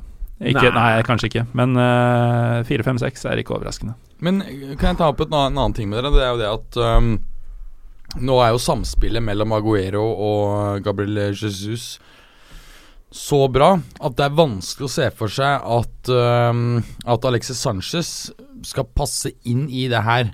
Eh, nå, jeg ser ikke for meg vanskelig. eh, Jeg skjønte ikke hvorfor de gikk så hardt inn på han i det hele tatt. men, men, men nå- nå er det jo uh, mange som trekker frem United her. Altså Dette er jo en uh, spiller som er 29, perfekt Mourinho-alder. Uh, Ryktes at Ja, det er ganske Mourinho. Ja, ikke sant? Ryktes at United er villig til å gi han 25 millioner um, pund i sign-on-fee, hvis han går til dem. Uh, I tillegg til mm, 300 000 pund i uka eller noe sånt. Er ikke han øh, Altså, jeg tror jo at han er mye mer riktig Det er mye mer riktig for han, og også for den klubben han skal gå til, at han går til United. Eller at han går til øh, Ja, må tenke oss mm, Bayern, PSG er vel ikke eh, så aktuelt. Jeg hørte Real at han er på shortlisten til, eh, til Perez. Han liker jo bare å hente gratisspillere når han skal Mm. hente litt I eldre. januar. Ja. Nei, nei, det blir jo til sommeren, da. Ja. Mm. Men der ser du hvor mye timing har å si òg, da. Eh, hadde han eh, gått til Real Madrid denne sommeren, nei, eh, sorry, Barcelona, og ikke da han gjorde det, hadde det Ja. sklidd rett inn. Mm. Mm. Ja, altså, Ja, også noen, noen skriver at Juventus eh, ser for seg å prøve kanskje å gjøre en bytte mellom eh, Douglas Costa og han i januar. Det verste er at Juventus er den klubben i verden som kan få til noe så sykt. ja. Men, men, men eh, vi må eh, bli ferdige her, Gallosen. Ferdig, Eh, altså. City Palace Det blir fem- slakt. 4, 5, 6, Ja. 7, 8, 9, 0. Ja. Veldig bra analyse. Preben. L versus L. Leicester mot Liverpool. Blir What's up? Ja, blir en reprise da av gårsdagens uh, 2-0-seier til Leicester i ligacupen. Det er eh, altså Klopp og Liverpool de er inne i en litt eh, vanskelig periode om dagen. Det, altså, de skaper mye sjanser, men de sliter med å sette de, rett og slett. Det er vel Oxlade-effekten som vi var inne på, som kanskje slår til for fullt her. Og så er det en annen, et annet element med Liverpool, og det er, som jeg synes er veldig interessant. Og det er jo hvordan de begår de samme defensive feilene gang på gang på gang på gang. Så hvor jævla mange ganger må de begå disse feilene før de lærer seg at de Og det, det er på en måte relativt like feil også, Ja. som skal være relativt enkle, og blant annet på dødball. Men Så- det jeg reagerer på på dødball, er at eh, Klopp uh, står fortsatt på at han skal spille soneforsvar. Ja, merkelig. på dødball imot, og det, det syns jeg er veldig merkelig. For det første så er det utrolig enkelt når du spiller sone, da. Så at du, du fraskriver deg selv litt ansvar, da. Når du spiller mann-mann, så har du ansvar for den mannen. Han skal ikke score mål. Altså, han skal ikke få ballen. Spiller i sone, så er det veldig mye lettere å peke på en eller annen dude. Eh, og motsatt for angrepsspillerne i en sone, så blir du ikke holdt og revet i på samme måten som når du blir mannsmarkert. Så du får mye lettere innløp. eh, mye enklere å time hele situasjonen. Så, så det er veldig Soneforsvaret har aldri skjønt greia på dødball. Nei, jeg er helt enig, for det, er noe med at dynamikken med, som ligger i soneforsvar, den fungerer ekstremt bra på større flater. Helt klart. Men på så små flater så er det veldig vanskelig å greie å gjennomføre godt soneforsvar. Så jeg skjønner heller ikke logikken, for du har sett det flere ganger. At, at øhm, eh, en Liverpool-spiller markerer en eh, motstanderspiller, så løper motstanderspilleren, så blir bare Liverpool-spilleren Han ser på han, men han bare Ja, men det er ikke min case lenger. Nei, Det er veldig lett å rett og slett fraskrive seg alt ansvar i situasjonen når du, når du spiller sone. Jo, men De har jo fått beskjed om det. det er klart at, men jeg syns samtidig det er rart, Fordi nå har jeg lest at det er en del eh, Altså, Kall det ytterliggående gåseøyne, men eh, det er enkelte Liverpool-miljøer som allerede nå liksom sier «Clop out'. Eh, og hvis du sier, og så argumenterer de med at han er ikke noe bedre enn Brenn Rogers, og med tanke på at man har kjøpt så mye bedre spillere, så presterer han i realiteten dårligere. Så kan du på den andre siden eh, si at hadde ikke Klopp vært der, så tror jeg ikke de hadde greid å signere en del av de spillerne. Nei, men Fordi, jo, det er jo altså fakta at han har uh, dårligere poengsnitt enn både Brenn Rogers og Rafa Benitez. Uh, så, så han har jo dårligere poengsnitt enn de gutta. Men uh, Statistikken viser jo også at de er ekstremt avhengige av Sadio Mané. De tar jo eh, over eh, jeg tror det er 2,14 poeng i snitt har de tatt siden starten av forrige sesong med Mané på banen. Så er det nede i 1,5 eller noe rundt der uten Mané på banen. Så veldig avhengig av eh, at han skal skape noe offensivt da, for dem. Eh, Og så er det det, det vi elsker med Liverpool, da, det angrepsspillet vi elsker, er jo nettopp det som gjør at de er et dårlig forsvarslag, at de slipper inn mye. De fyller opp så forbanna mange folk i boksen. Når du ser et innlegg slås, så er de fem mann inne i boksen. Men det de glemmer, er at de er nødt til å angripe med en viss balanse. Altså, du må ha to-tre mann stående i returrommet klare til å ta den andre ballen som dukker opp. Og der er ikke Henderson riktig person. Han er ikke den spilleren. Og de fyller opp med Wijnaldum inn i boksen. eh, Chan eller hvem andre som er inne der, er også inn i boksen med disse innleggene. Det blir mye mål av det, det blir mye sjanser. Men de forsvarsspillerne blir jo helt isolert på kontringer veldig ofte. Hmm. Det er ikke lett å være forsvarsspiller i Liverpool. Jeg tror helt ærlig van Dijk hadde ikke spilt noen rolle fra eller til på de matchene som har vært eh, hittil i år. Hva trenger Liverpool, da? Eh, Ja, er Claude Makelele. Ja, Han uh, spiller jo ikke fotball på den Nei, Nei, men altså jeg mener Skal de begrense baklengsmål, så må Klopp gå i seg selv og faktisk angripe på en annen måte. Du kan ikke slippe opp begge bekkene, f.eks., i, i et angrep. Én må holde. Uh, hvis hele midt... Altså, hele midtbanen kan ikke dytte inn i, dyttes inn i feltet til motstanderen. Nei, du, Du, må angripe med mye, mye bedre balanse. Du kan gjøre det hvis du avstand mellom lagdelene er riktige, da. Hele veien. At Forsvaret, de må jo pushe opp, selvfølgelig. Det må de. Tør ikke de å pushe helt opp i ryggen på midtbanespillerne sine, altså la oss si 20 meter fra, da, så får du et enormt rom mellom midtbanen og angrepet som det er veldig lett å utnytte. Så plussene med, med Klopp er at du får det fantastiske angrepsspillet, men så lenge han står med å flytte så mange mann opp i motstanderens eh, siste tredjedel, da, så vil du få et defensivt problem. Mm. Mener jeg.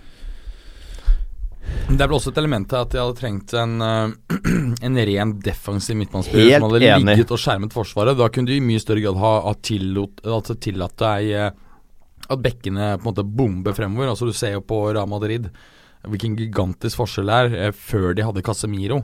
For da bombet de også fremover med bekkene, og nå er det Casemiro som skjermer. Så relativt tette Jeg vil kanskje til og med ha to, jeg. All den tid de på en måte hiver begge bekkene opp. Så, så vil jeg kanskje ha to som holdt litt defensivt. Så du på en måte alltid hadde fire mann på rett side da, av ballen eh, til enhver tid. Og ofte for Liverpool nå så er det to eller eh, tre mann da, som står eh, på, rett side, på rett side når de mister ball. Mm. Men det er det som gjør Liverpool eh, utrolig kule å se på, offensivt. Jeg syns det er det morsomste laget å øh, se på, i hvert fall så langt denne sesongen her. Syns jeg, på tross av at City Helt enig, jeg gleder meg masse. dritsexy og Jeg synes Liverpool Det er fordi du får mye målsjanser. Men Mm. eh, de har jo vist at de slukner litt i annen omgang, da. Så, som de gjør nå mot Leicester. Tror fort de kan få trøbbel her. Jeg er ganske sikker på at de slipper inn mot Leicester. Men det er en helt sånn uh, helgarderingskamp på kupongen. Eh, nå skal jeg bare stille en liten eh, greie på slutten før vi må gi oss. Eh, årets signering så langt i Premier League. Eh, jeg har eh, en greie Jeg, jeg syns jo Salah, eh, for meg, i forhold til pris Det man er vant til at offensive spillere på det nivået der går for om dagen, er på et helt annet nivå enn det de kjøpte Salah for. Jeg syns han fungerer dødsbra i Liverpool. Og jeg begynte å lure på hva var det de egentlig drev med. Er den ikke veldig lik det de allerede har? Og er det, er det der de skal investere pengene? Men jeg ser jo nå at dette her eh, har vært veldig riktig. De burde gjort veldig mye annet. Men for meg så er dette her eh, årets signering i forhold til pris og hva de har fått eh, så langt i Premier League. Hva med deg, Berger? Nei, altså jeg, eh, jeg var jo positiv til han og sa jo det her helt klart, og dette er et eh, megakjøp, kanskje sommerens beste. Sommerens beste er imidlertid uh, spilleren som uh, er betalt for å signert, men som ikke kommer før neste år. Og det er Og det er ikke da bare Liverpools beste, det er Nabi Keita. Ok, Han er, Men, eh, men det, det er juks. Det er juks. Han må ha spilt i går, forresten. Ja, men han hadde vel et mål eller, sist? Nei, de Ok. tapte 1-0. Ok. Okay, det var Unnskyld at før, da, jeg, var ikke, jeg var ikke klar over at vi kom til å eh, gå den veien der, men han må ha spilt i valgfart ett minutt i Premier League, da. Nei, ok, nei, er, eh, ingen tvil om at eh, Salah i forhold til eh, I forhold til pengene Samtidig så må jeg også si at, eh, at eh, Eh, Lukaku ser jævlig bra ut. Jeg syns det målet som eh, ble skåret av Mkhitaryan, hvor da uh, Lukaku har bommet på en sånn 100 sjanse, og istedenfor å da skyte bare et vilt skudd, så holder han opp ballen og legger den pent ut til venstre til Mkhitaryan. Det viser et nytt steg, syns jeg, fra Lukaku. Dette ser bra ut. Bra. Preben Ingeike. Adrian Silva. Ok. Ok, Nei, nei. Det er hipster. Ja, men det, det er, det er ikke det.